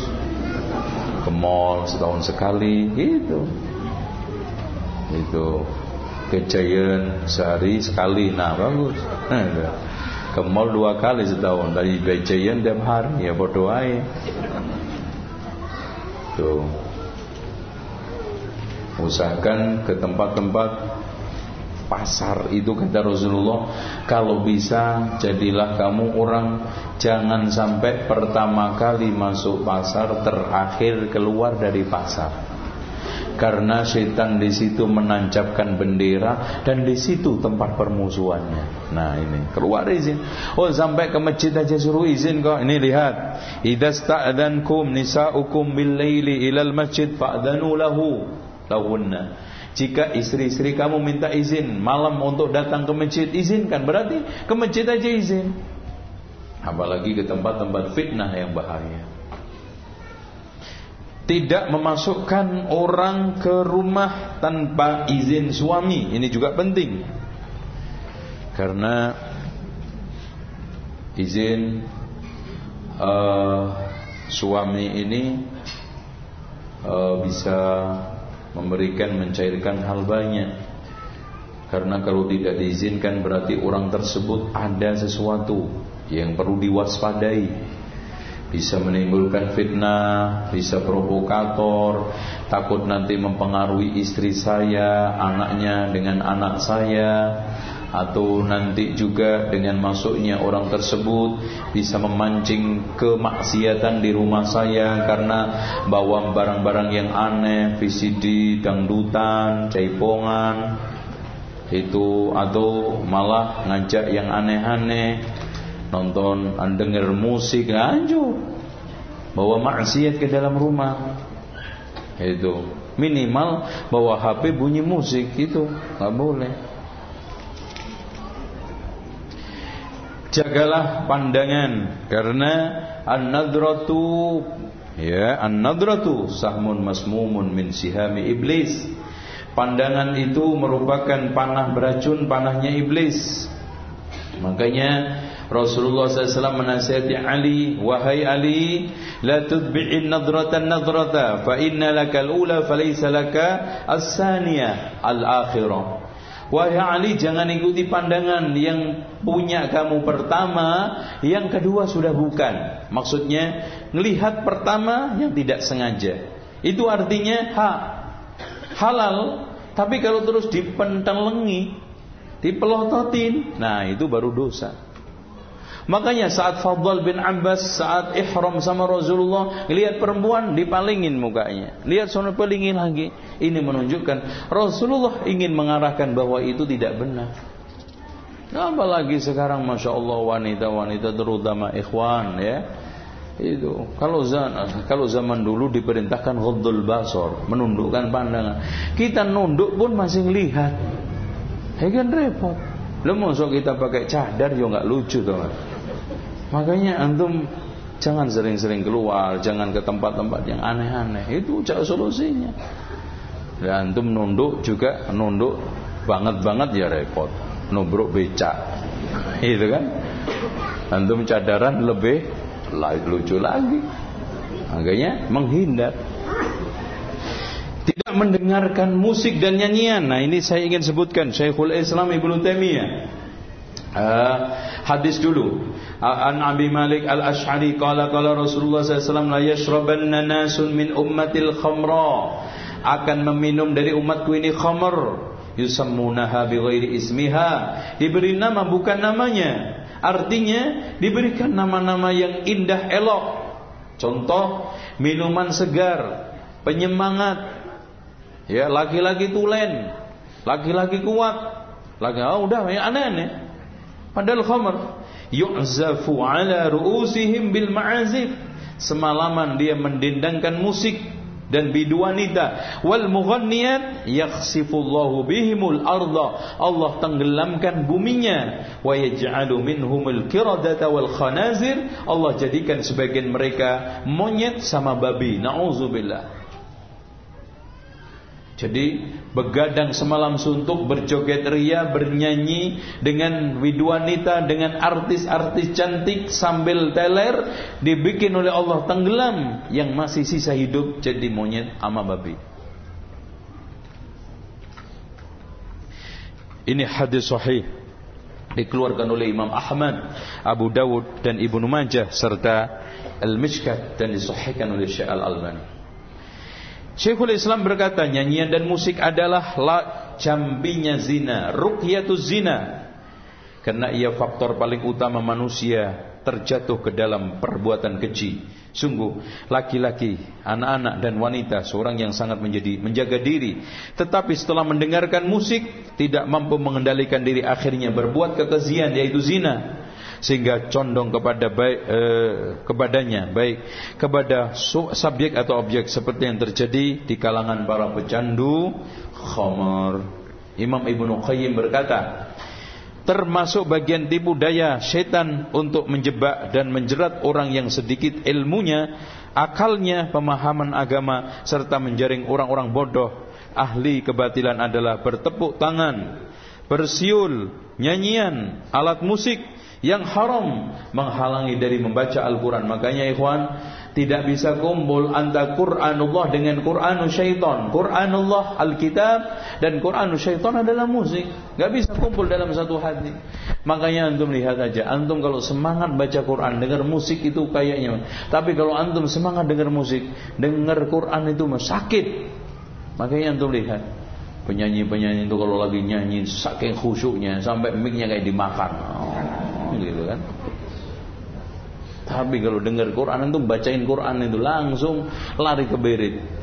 Jadi kayak jin, jin itu kalau dirukyah langsung jerit. Nah itu sama, sama. Cuman ini jin, ini setan manusia.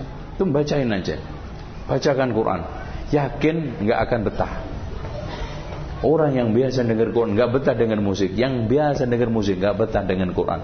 Kalau antum nggak percaya, antum bacain surat Al-Baqarah. Pemain band yang sedang ngumpul, bacain. Yang kenceng. Tapi setelin suara Musyari Rosid. Ada Syekh Sudes apalagi yang melengking itu. Wah langsung jerit itu jinnya. Tuh makanya biasakan. Kalau antum hafal Al-Quran Masya Allah daripada hafal nyanyi nggak bisa masukkan antum ke surga. Dan dapat pahala babar Quran. Man qara'a harfan min kitabillah falahu bihi hasanatun fal hasanatu bi asyri amsalha fala aqulu alif lam mim harfun walakin alif harfun lam harfun min harfun siapa yang baca satu huruf dari kitabullah mendapatkan satu kebaikan satu kebaikan dilibatkan sepuluh kali saya tidak mengatakan alif lam mim satu huruf. Alif satu huruf lam satu huruf mim satu huruf. Coba bayangkan satu al-baqarah berapa huruf? Ali Imran berapa huruf? An-Nisa berapa huruf? Antum habiskan untuk nonton TV karambol apalagi mancing. Mas Imam Syafi'i aja udah hafal Quran nggak pernah mancing. Antum nggak hafal kok sempatnya mancing? Antum nggak malu sama Imam Syafi'i nanti? Ketemu. Itu. Mancing itu hobinya orang konslet. Eh gimana gagal konslet? Masya Allah sesibuk ini libur seminggu sekali. Ditawari nemui ikan apa istri? Temui ikan. Lah kan konslet itu. Harusnya nemui i, istri. Lah i, ikan walaupun ada sebagian laki-laki yang punya alasan. Iya pak. Daripada ngelihat ikan mujair di rumah mendingan ikan mujair di empang. Lihatan adem tenang. Ya kan? Kalau antum lihat ikan mujair kan enak tuh. Yang di rumah.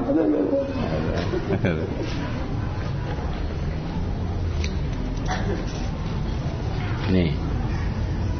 Disertai. Nah termasuk kiat untuk menghindarkan dari perzinahan adalah pergi disertai mahram ikhwan Terutama bapak ibu ibu jangan sekali-kali pergi apalagi haji umroh tanpa mahram.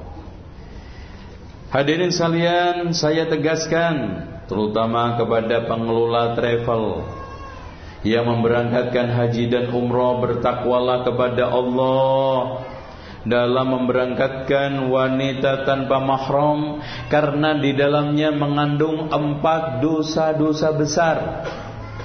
Yang pertama dosa la tusafirul mar'atu masafata qasrin illa wa ma'hadi mahramin minha. Tidaklah boleh wanita pergi dengan jarak qasar kecuali harus disertai mahram. Yang kedua dosa memalsu data. Karena pemerintah Saudi tidak menerima wanita berangkat tanpa mahram akhirnya wanita yang nggak punya mahram dititipin ke laki-laki lain. Diakui istrinya atau saudaranya atau bibiknya. Palsu data yang ketiga nanti kalau dicek di bandara kan pasti ngomong siapa ini istri saya padahal bukan membohongi pegawai imigrasi. Yang keempat nanti kalau seandainya di Mekah masuk hotel berdua sekamar nggak disalahkan wong suami istri kok bisanya. Ini fitnah. Tuh. Walaupun sekarang umur tua karena namanya apa pun tetap aja ada pasarannya. Ya barang yang sudah dibuangkan ternyata ada yang mungut ya Pak. Memulung. Jadi kullu sakitotin laqitatun kata kata mutiara hikmah setiap barang hilang ada yang nemukan. Setiap barang buangan ada yang mungut. Tuh. Eh, contoh aja apalagi haji perempuan pergi sendiri. Nanti umpamanya ditakdirkan oleh Allah haid nggak bisa ngelimpar nggak bisa tawaf. Akhirnya tawaf sendiri. Ditemani siapa? Ditemani siapa? Pembimbingnya.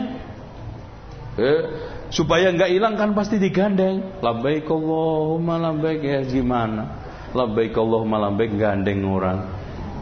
Ini istri saya pak 40 hari Nah, itu kan haji 40 hari kan. Nauzubillah, nauzubillah. Oke. Sekarang saya akhiri tidak berkholwat dan ikhtilat ya. Ini solusi kita untuk menghindar dari berbagai macam perselingkuhan, perzinaan dan termasuk ada homoseksual, les, eh, lesbi ini semuanya penyakit amoral, penyakit sosial juga, penyakit agama dan penyakit kehormatan dan kesucian. Cukup saya kira eh, sekarang kita buka tanya jawab. Eh, tanya jawab habis itu jawab tanya.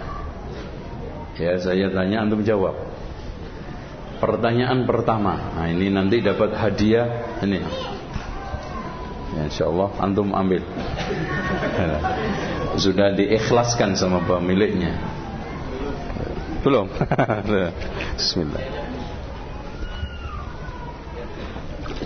Baik.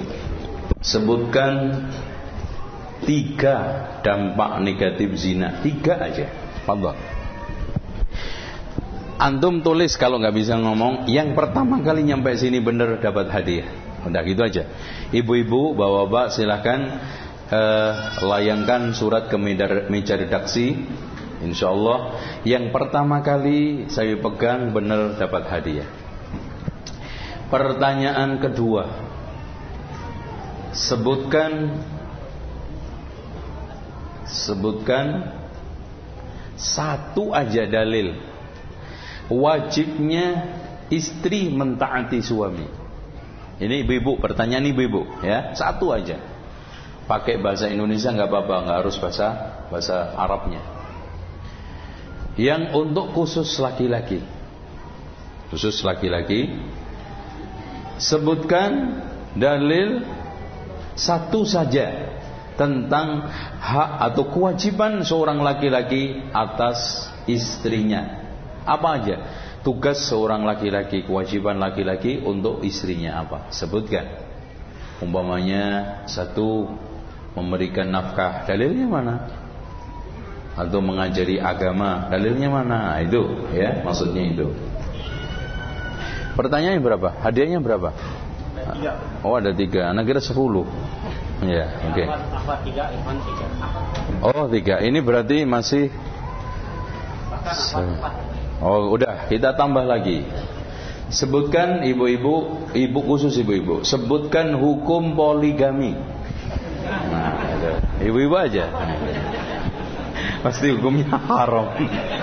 Ibu, jangan ngarang loh bu ya. Ini sohe.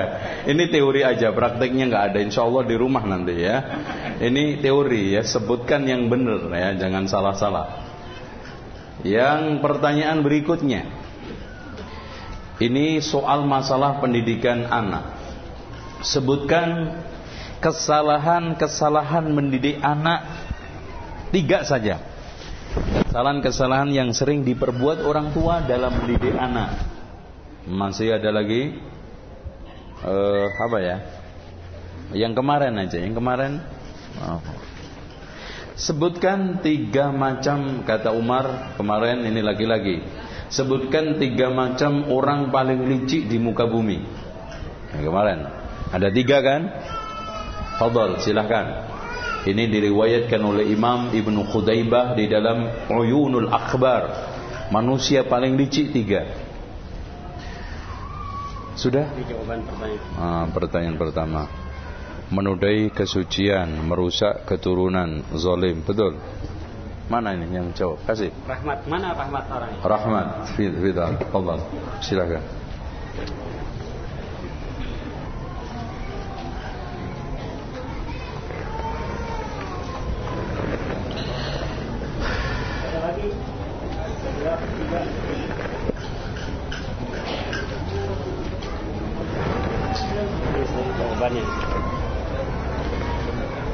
Merusak hubungan sosial, merusak garis keturunan.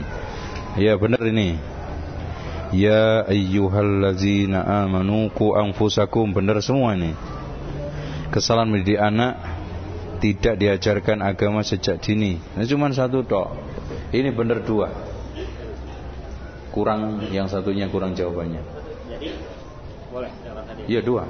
Iya, siapa ini? Ah, baik.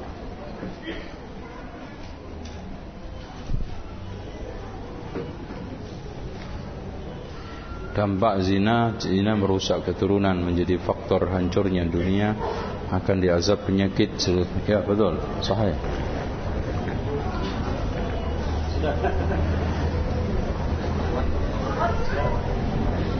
Nah ibu-ibu nggak ada. Ibu udah pada pulang nih. Kan nggak ada yang nebak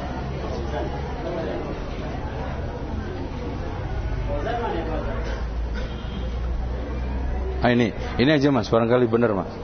Itu di cancel aja. Yang Umar bin Khattab ini, ya oke, okay. nih nih, masya Allah ini. Tadi karena itu udah double double dampak zina itu. Tetangga dekat, jika ada kebaikan ditutupi benar, ada kejelekan disiarkan. Perempuan yang lidahnya tidak bisa dijaga. Pemimpin yang jahat bila kita berbuat baik tidak dipuji jika berbuat jelek dihukum. Betul? Allah kasihkan. Oke, cukup. Adanya udah habis, Mas. Kalau mau masih nebak lagi, ambil sendiri di pojok koperasi. Hmm. Baik. Saya punya istri. Dengerin ya. Eh, istri. Eh, istri. Dengerin. Ibu-ibu. Ya, istri. Mohon pertanyaan saya dijawab karena saya sangat membutuhkan jawaban atas permasalahan saya hadapi. Masya Allah. Ini berarti VVIV, very very important. Saya punya istri yang sekarang dalam keadaan sangat nusus, masya Allah. Udah jelek nusus lagi, subhanallah. Istri saya merasa tidak perlu patuh. Sama sekali tidak mendengar nasihat suami dengan alasan bahwa selama ini tidak bisa membahagiakannya. Padahal tidak bisa membahagianya secara materi maupun batin. Loh terus? Udah berapa tahun nih berumah tangga? Mbak dengerin yang baik-baik. Bahwa bahagia itu tidak terdapat di tembok masjid. Tidak ada di bawah pohon rindang. Tidak juga di rumah makan mewah hotel bintang tujuh. Sampai pusing berarti. Tidak Bahagia adalah nih. Makanya Rasulullah ketika tanya kepada Abu Zar, Abu Zar, atarul ghina an kasratil mal? Apakah kamu punya pendapat orang kaya itu kaya harta?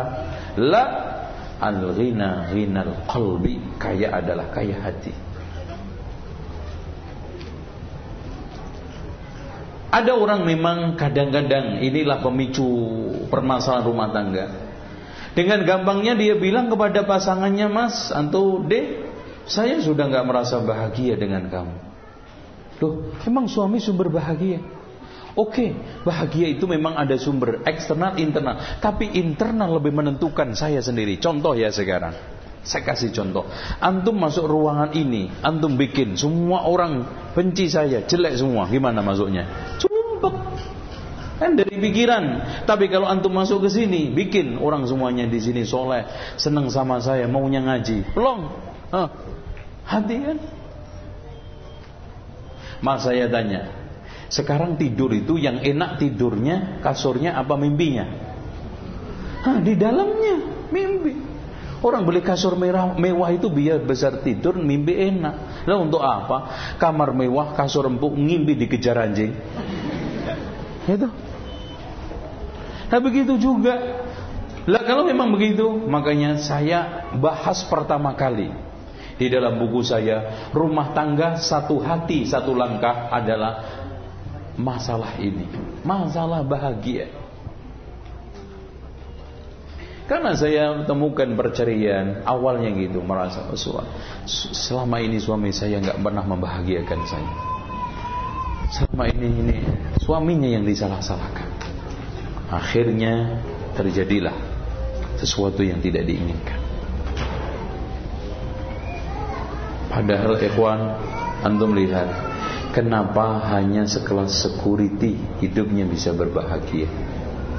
Tapi sekelas manajer tiap hari nista masalah manajemen hati. Makanya bahagia itu ialah kondisi kejiwaan yang mampu beradaptasi pada setiap perubahan. Itu definisi bahagia. Makanya siapa yang paling bisa mengondisikan hati saat suasana berubah, kaya siap, miskin sakit siap, sehat siap. Masya Allah, cenderung bahagia. Dengan cara apa?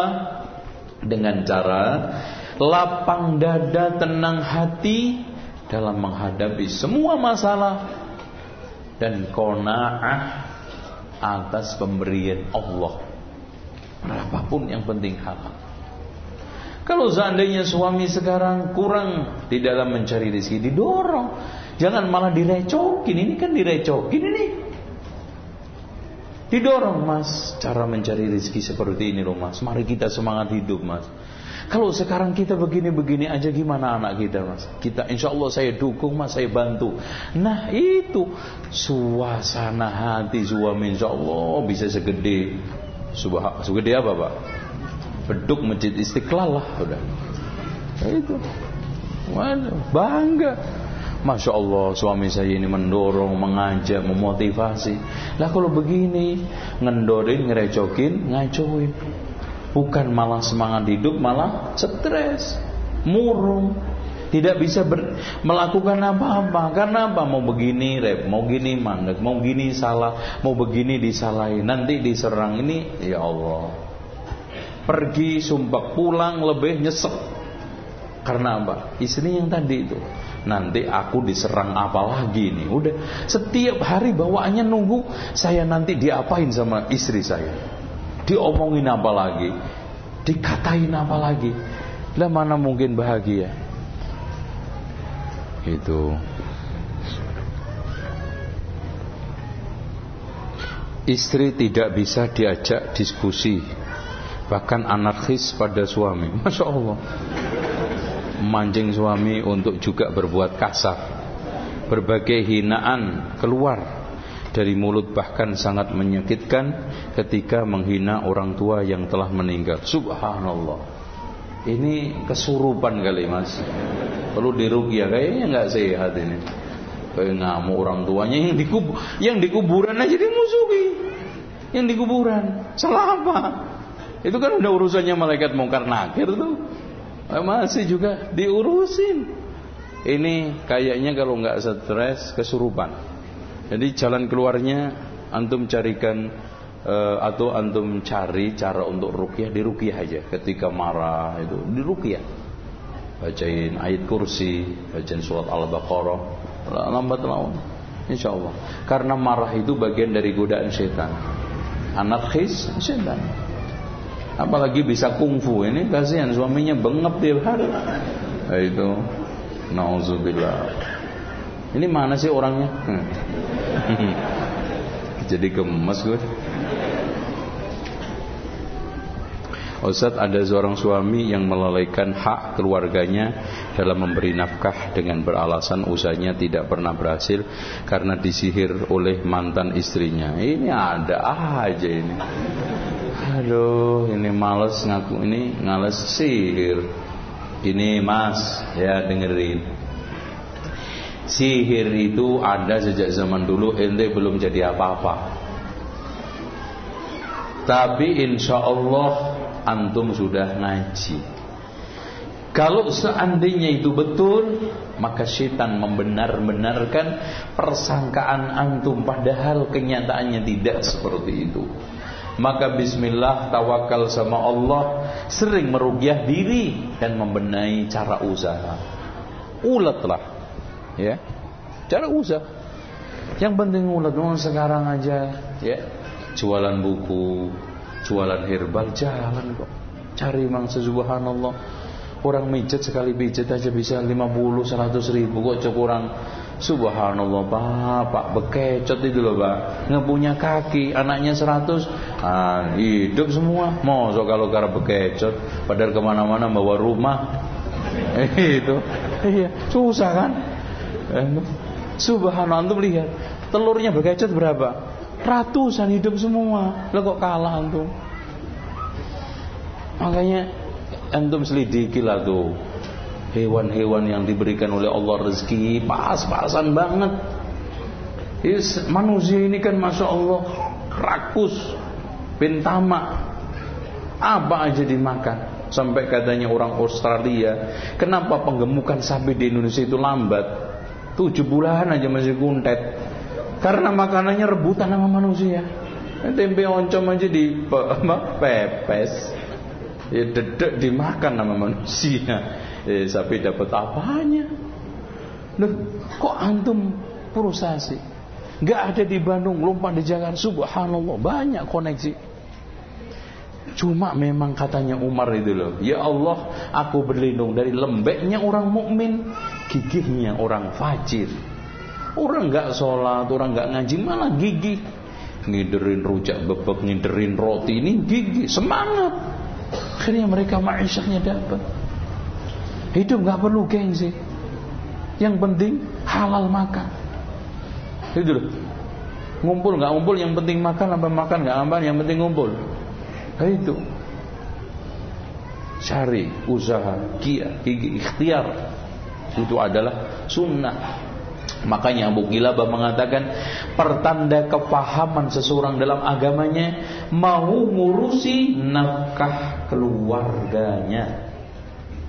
Saya ulangi, ulangi lagi pertanda kebaikan Islam seseorang mau mengurusi nafkah keluarganya, diurusi.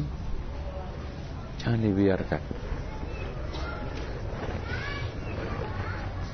Pak ada coaching tuh Pak? Hah? HP? Loh, coaching. Loh. HP-nya dimatikan kalau yang masih hidup saya ambil buat infak pondoknya Ustaz Abu Haidar. Di lingkungan ana tinggal kebanyakan wanitanya suka ngerumpi. Ya iya sama juga ibu juga. Di depan rumah maklum mereka belum mengetahui banyak tentang ilmu syar'i. Bolehkah anak sebagai suami bertindak tegas agar tidak ngumpul bergaul dengan mereka wanita yang suka gosip? Iya, antum ceritain. Syukur-syukur cara ibu-ibu itu dimasukkan ke rumah. Yo bu ngaji. Nah itu ngaji. Kasih aja Quran satu-satu ayo. Ibu gantian yang baca, saya dengerin. Wah repot pak no. Giliran ngaji repot ngerumpi lancar. Antum dorong ajak ngaji hadiah kita kita insya Allah kecil-kecil aja nggak usah gede-gede. Itu dilarang. Ada buku kecil namanya gosip. Ya, tentang masalah dosa-dosa gosip riba. Kecil kasihkan. Nah itu caranya. Syukur-syukur antum bisa ceramah nasihatin kalau enggak kasih buku aja. Kalau enggak buletin atau istri antum jadikan utusan untuk memberitahu daripada ngumpul, ngurusin, nyapu, ngepel rumah lebih baik. Nah, itu.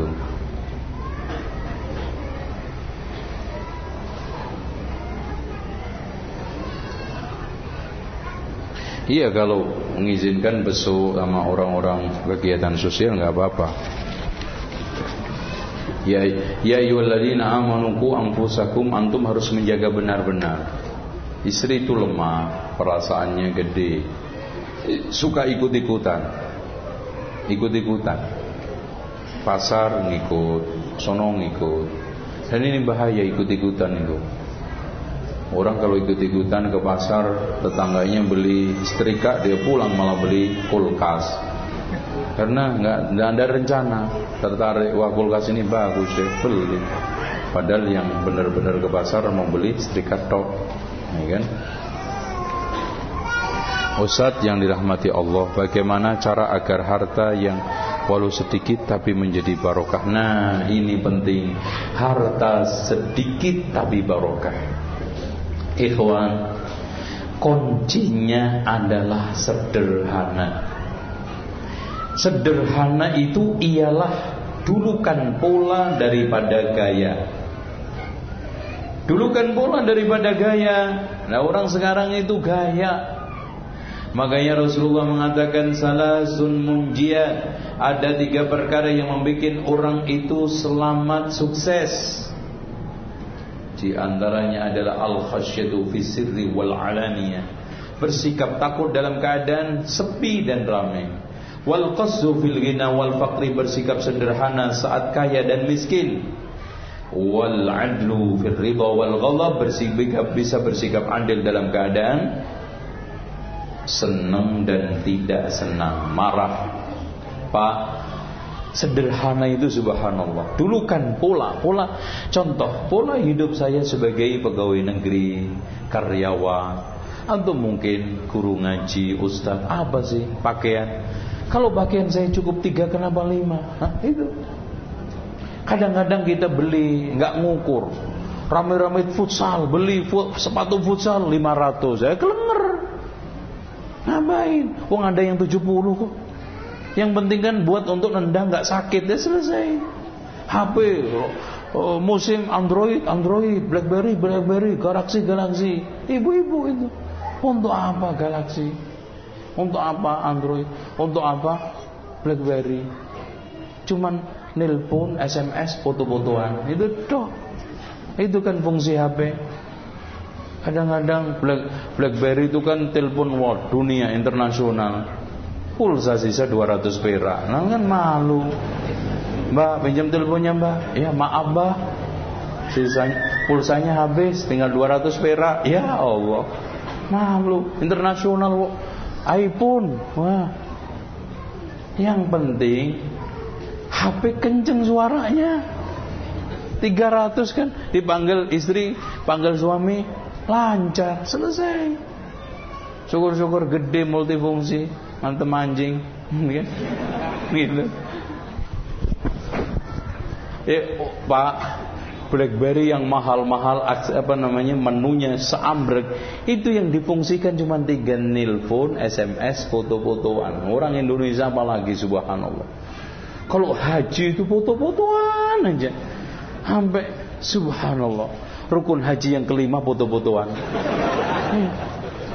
Sampai tawaf aja sempat moto gitu. Sa'i moto. Itu orang Indonesia. Eh, kita dipanggil susah-susah kalau maunya dikirain apa? Diajak foto. Tok itu. Nah kira dikasih kurma lumayan. Makanya haram foto-fotoan, apalagi foto kena kenangan dipajang. Itu ya. Sehingga didulukan pola. Pola makan. Makan saya, subhanallah. Sekarang kanan kiri kita apalagi mau ke pasar Duit 20 aja kalau kita bisa ngatur menu Insya Allah. Nomor satu terong. Enak Pecel ngantuk. Mantap Daripada susah tidur Kangkung. Nanti ada di kita Menu yang penting sehat. Eh tapi pola gayanya Wah Kayaknya kalau malam begini cocoknya ke rumah makan. Nah, kalau sudah begitu hancur. Pola hidup. Toh yang penting orang makan, pakaian yang penting ketutup. Kalau kendaraan yang penting jalan nggak mogok. Itu pola hidup. Sedikit barokah artinya tambah kebaikan untuk yang baik-baik. Ada sebagian simpenan untuk anak, untuk sekolah anak. Itu caranya dan tolong yang perempuan, yang istri jangan boros. Caranya yang pinter ngatur duit, ngatur belanja. Kalau kita nggak pinter-pinter ngatur duit, duit berapa aja habis. Ya, yang nggak habis-habis itu apa mas? Apa yang nggak habis? Yang nggak habis itu cuma satu, kulitnya durian. Eh Tuhan tuh mau ngabisin. Eh, itu semuanya duit yang namanya duit itu habis. Tapi antum lihat aja, dulu gaji sejuta setengah, kok iya bisa hidup ya? 2 juta? Kok bisa? 5 juta? Kok sama ya? Masalahnya berarti pola hidup antum. Pola hidup ketika 5 juta 3 juta 2 juta 1 juta setengah. Bisa ngatur. Itu. Insya Allah. Ya. ya.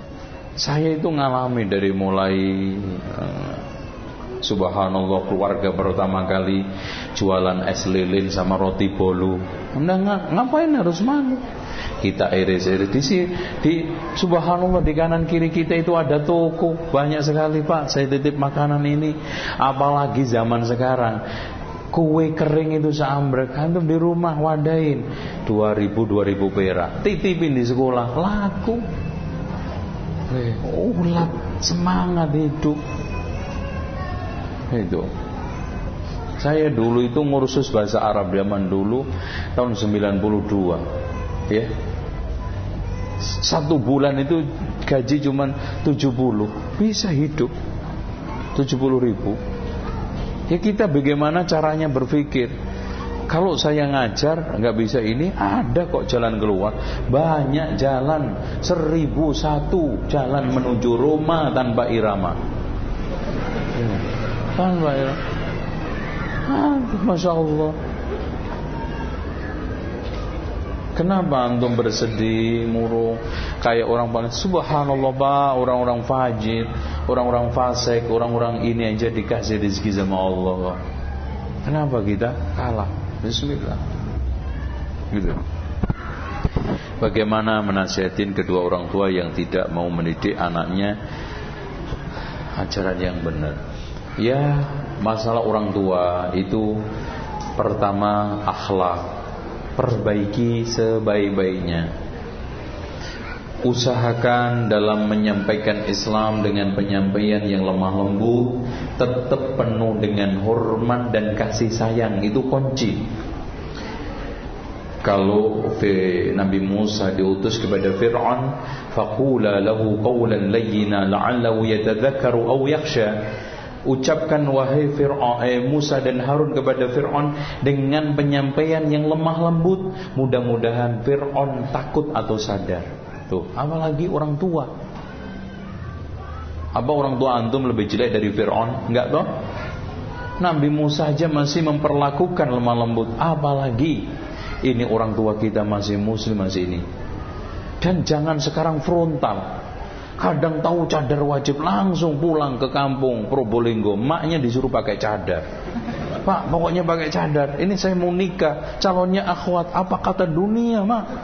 Nanti emak gak pakai cadar. Akhirnya dipaksa pakai cadar, bawahnya jaritan. Lalu lucu. Ya. Jangan frontal. Oh tahu masa Allah celana celana itu kalau isbal haram celana bapaknya digunting semuanya Subhanallah, bapaknya mau kondangan nggak nemu celana. Ya Allah, anak saya ini, ini ajarannya siapa? Gurunya kan yang dicari. Ini gurunya mana? Ngajarin nggak bener begini. Ini, ini, ini garis keras ini semua. Ini yang bikin orang rusak. Ada, ada apa tetangganya? Mana? Ada apa pak? Ini anak saya merantau di Jakarta baru enam bulan deh celana saya diguntingin semua. Tahu ini maksudnya apa? Nah, itu Duh, nggak dijelasin pak. Isbal itu haram neraka. Dia dulu baru ini. Itu. Saya aja menghilangkan rokok orang tua tujuh tahun. Tahlilan yasinan dan sekelompoknya itu hampir enam tahun. Torekotnya baru kemarin. Itu alhamdulillah tuntas sekarang sampai nggak disapa orang sekarang. ya nggak apa-apa, yang penting bahagia akhirat. Saya, saya bahagia saya dia sebelum meninggal dunia sudah lepas dari itu semua. Apalagi rokok itu pak, karena mimpin tahlilan kan datang satu bungkus, pulang satu berarti dua. Nah kalau tahlilan satu malam dua kali kan sudah empat bungkus. Itu rokok sealmari pak. Kalau kalau dengan jawabnya enak banget kan nggak beli. Masya Allah. Akhirnya kita coba nasihat ini, alhamdulillah hilang. Pakai proses lama.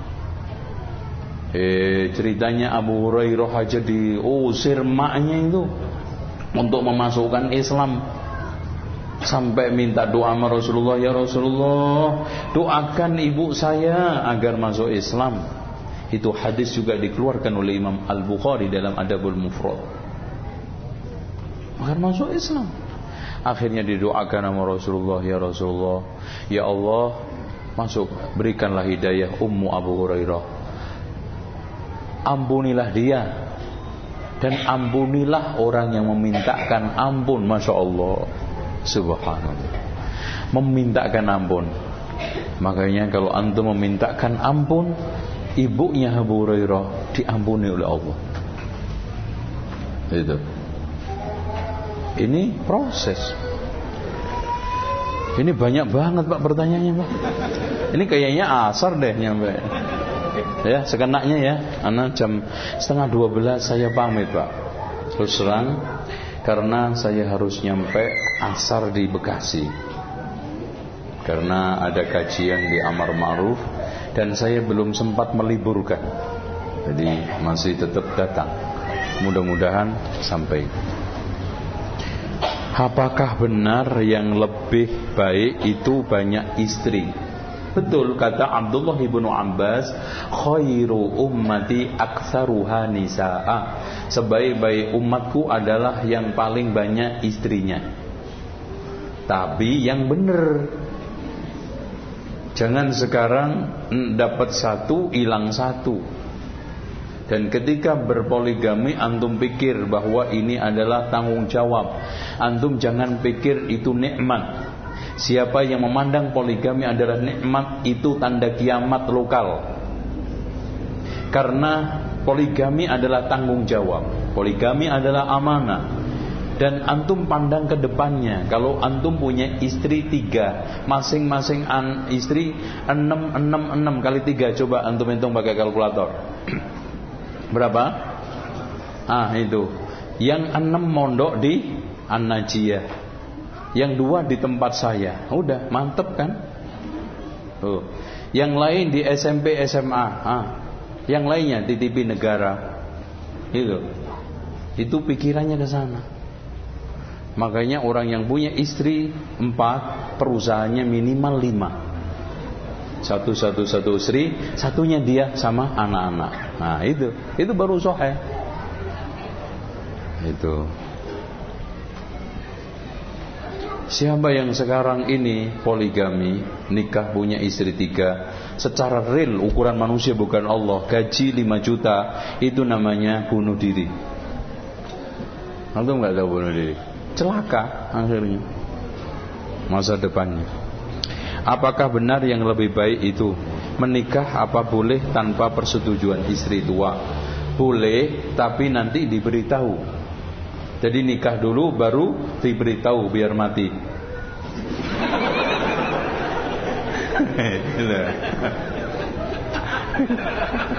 Antum Mbak setujunya begitu kan? Ini dasar lo laki-laki itu. Jadi uh, kebiasaan Rasulullah biasanya nikah dulu, tapi sebelumnya ada omong-omongan bahkan Terkadang yang disuruh melamar itu Aisyah untuk yang yang ta'arufkan. Dan Aisyah kalau ta'aruf selalu komentarnya jelek. Ah, jelek ini. Ini masih di bawah saya. Makanya ketika Rasulullah cari sendiri yaitu siapa? Ummu Salamah. Gimana Ummu Salamah? Jelek masih di bawah kamu. Dia penasaran. Akhirnya apa? Ngintip, lihat Ternyata Rasulullah SAW di balik pintu dia ngintip begini. Nah, itu ngapain kamu? itu kan gitu. Ternyata Rasulullah ada. Itu emang apa? Lihat Ummu Salamah. Ya, Ummu Salamah itu cantik. Bagaimana pandangan Islam tentang tinggal di rumah mertua? Sebetulnya plus minusnya itu ada tapi minusnya dampak negatifnya lebih banyak. Makanya sebaiknya kecil sendiri lebih baik daripada barang-barang gede sama mertua karena di sana ada ada kebiasaan atau mungkin saudara yang nanti campur tangan. Yang itu antum tidak bisa leluasa mengendalikan rumah tangga. Apalagi anak antum kerja anak digendong eh, apa mertua atau cucu apa cucu ya jatuhnya cucu itu repot. Biasanya uh, nenek kakek itu terlalu sayang saya sehingga kelewatan membiarkan hal-hal yang tidak pantas sehingga bisa. Saya baru ikut ngaji salat istri yang saya awam sekali punya pemikiran lain. Setiap saya nasihatin sesuai dengan sunnah tentang misalkan pakaian kebiasaan ibadah sehari-hari dia ketika tidak senang bilang butuh proses. Bagaimana soal iya udah biarin aja istri antum sampai mati. Biarin aja proses. Mana yang duluan? Selesai proses atau diambil malaikat tapi intinya mas, antum jangan tergesa-gesa. Antum harus lembut. Karena perempuan itu ibarat gelas-gelas kaca. Kesenggol jatuh, pe pecah. Diciptakan dari tulang rusuk. Makanya pelan-pelan jilbaban dimotivasi, diajak main ke rumah ini siapa fulan nanti di kode kode Ustaz tolong istri nanti nasihatin istri saya karena masih sulit untuk jilbaban. Ajak ngaji kayak begini. Dan insya Allah lama-lama yang penting keyakinannya kita tanamkan ilmunya punya lama-lama bisa. Ya yang penting nggak musuhi nggak mendangil masih diajak ngaji mau dengar mau kan itu masih positif itu. Kecuali nentang, gak mau, bahkan marah-marah, benci, ya itu sudah nggak ada harapan, nggak ada harapan.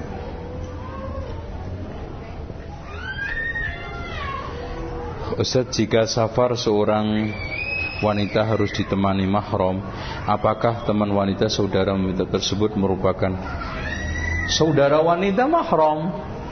Adiknya, kakaknya, pamannya, anak pamannya eh, suaminya, orang tuanya, kakeknya, itu semua mahram. Fadhal, nggak masalah. Termasuk anaknya, anaknya yang laki-laki. Apa yang harus saya perbuat apabila ada saudara kita yang hidup kekurangan dan dia melakukan khuruj tidak mau ikhtiar mencari rezeki sementara itu kita hidup berkecukupan gini Pak Memang ada sebagian teman kita yang salah kaprah. Khuruj, keluar Iktikaf Itu sunnah hukumnya. Iktikaf itu sunnah. Memberi nafkah wajib. Masa iya sih kaidah sunnah ngalahin wajib maka memberikan kecukupan istri, anak mandiri, kehormatan rumah tangga terjaga itu lebih baik dari antum sampai keluar ke mana-mana hanya untuk tujuan sunnah. Ya, apalagi meninggalkan kerja atau kerja keluar tanpa izin dosa. Karena al muslimuna ala syurutihim orang muslim itu tergantung syarat yang disepakati. Kalau antum sekarang ngambil gaji kerjanya dari jam sekian jam sekian wajib memenuhi itu. Makanya nggak boleh karena ditinggalkan karena hanya sekedar iktikaf baca Quran, nggak boleh. Umroh nggak boleh, harus cuti, harus cu cuti. Ustaz dulu sebelum Ana mengenal manhaj salaf Ana pernah menjalin hubungan dengan pria lain caranya sudah bersuami. Nah, apa yang harus ana lakukan? Ya tobat. Tobat selesai titik. Ya, sudah nggak ada kelanjutannya. Mau dipoligami? Ini sudah bersuami. Dulu hubungannya pasti nggak benar. Tobat lillahi ta'ala karena Allah. Tubu taubah ilallahi taubatan nasuha. Tobatlah kepada Allah dengan taubat nasuha. Ya ayyuhalladzina amanu tubu ilallahi taubatan nasuha. Dan kalau Anda sekarang mau nikah, cari cara yang benar, ta'aruf yang benar, jodoh yang baik. Dan mudah-mudahan dengan cara itu wat thayyibatu lit Perempuan-perempuan yang baik untuk yang baik-baik insyaallah. Aduh, tulisannya kecil banget. Apakah benar maksiat-maksiat dilakukan oleh orang tua dapat berakibat buruk pada anak yang dilahirkan? Di, di dalam surat uh, Al-Kahfi itu kebaikan orang tua akan mempengaruhi ke anak. Begitu juga kejelekannya. Makanya Rasulullah SAW di dunia akhirat ada orang yang masuk surga derajatnya tinggi. Dari mana ini?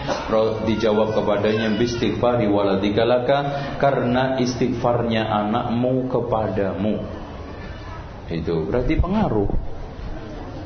Ya, pengaruh. Apalagi Rasulullah mengatakan al-irku dasas watak kebiasaan itu sangat menular ke anak. Apakah kesamaan derajat antara calon suami dan istri? Iya. Uh, dalam memilih pasangan. Yang abdul agama, kemudian yang setelah itu keturunan dan termasuk hasab posisi status pendidikan sosial. Tapi nomor satu adalah keturunan. Eh, apa namanya maaf agama. Tolong dicamkan yang butuh kesetaraan kafaah itu hanya perempuan, lagi nggak butuh. Artinya laki menikah dengan wanita yang jelek pun boleh. Dalilnya laki-laki dibolehkan menikah wanita ahlul kitab. Mana ada wanita yang lebih jelek kufur? Dibolehkan. Makanya dari ayat ini laki menikah tidak disyaratkan kafaah tapi perempuan disyaratkan. Buktinya perempuan nggak boleh menikah dengan laki-laki ahlul kitab. Kalau laki-laki boleh mus, mukmin muslim menikah dengan perempuan halal kita yang pasti kafir. Dan kafir itu jelek. Mak saya katakan, saya tanya, kufur jelek apa baik? Ya sudah, selesai. Terakhir. Terakhir. Seorang istri terakhir.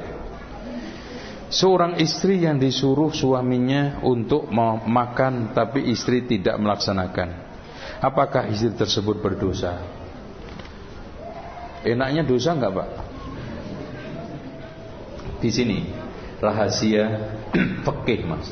Usulul fikih, qawaid fikih. Pertama, la ta'ata li makhlukin fi ma'siyatillah.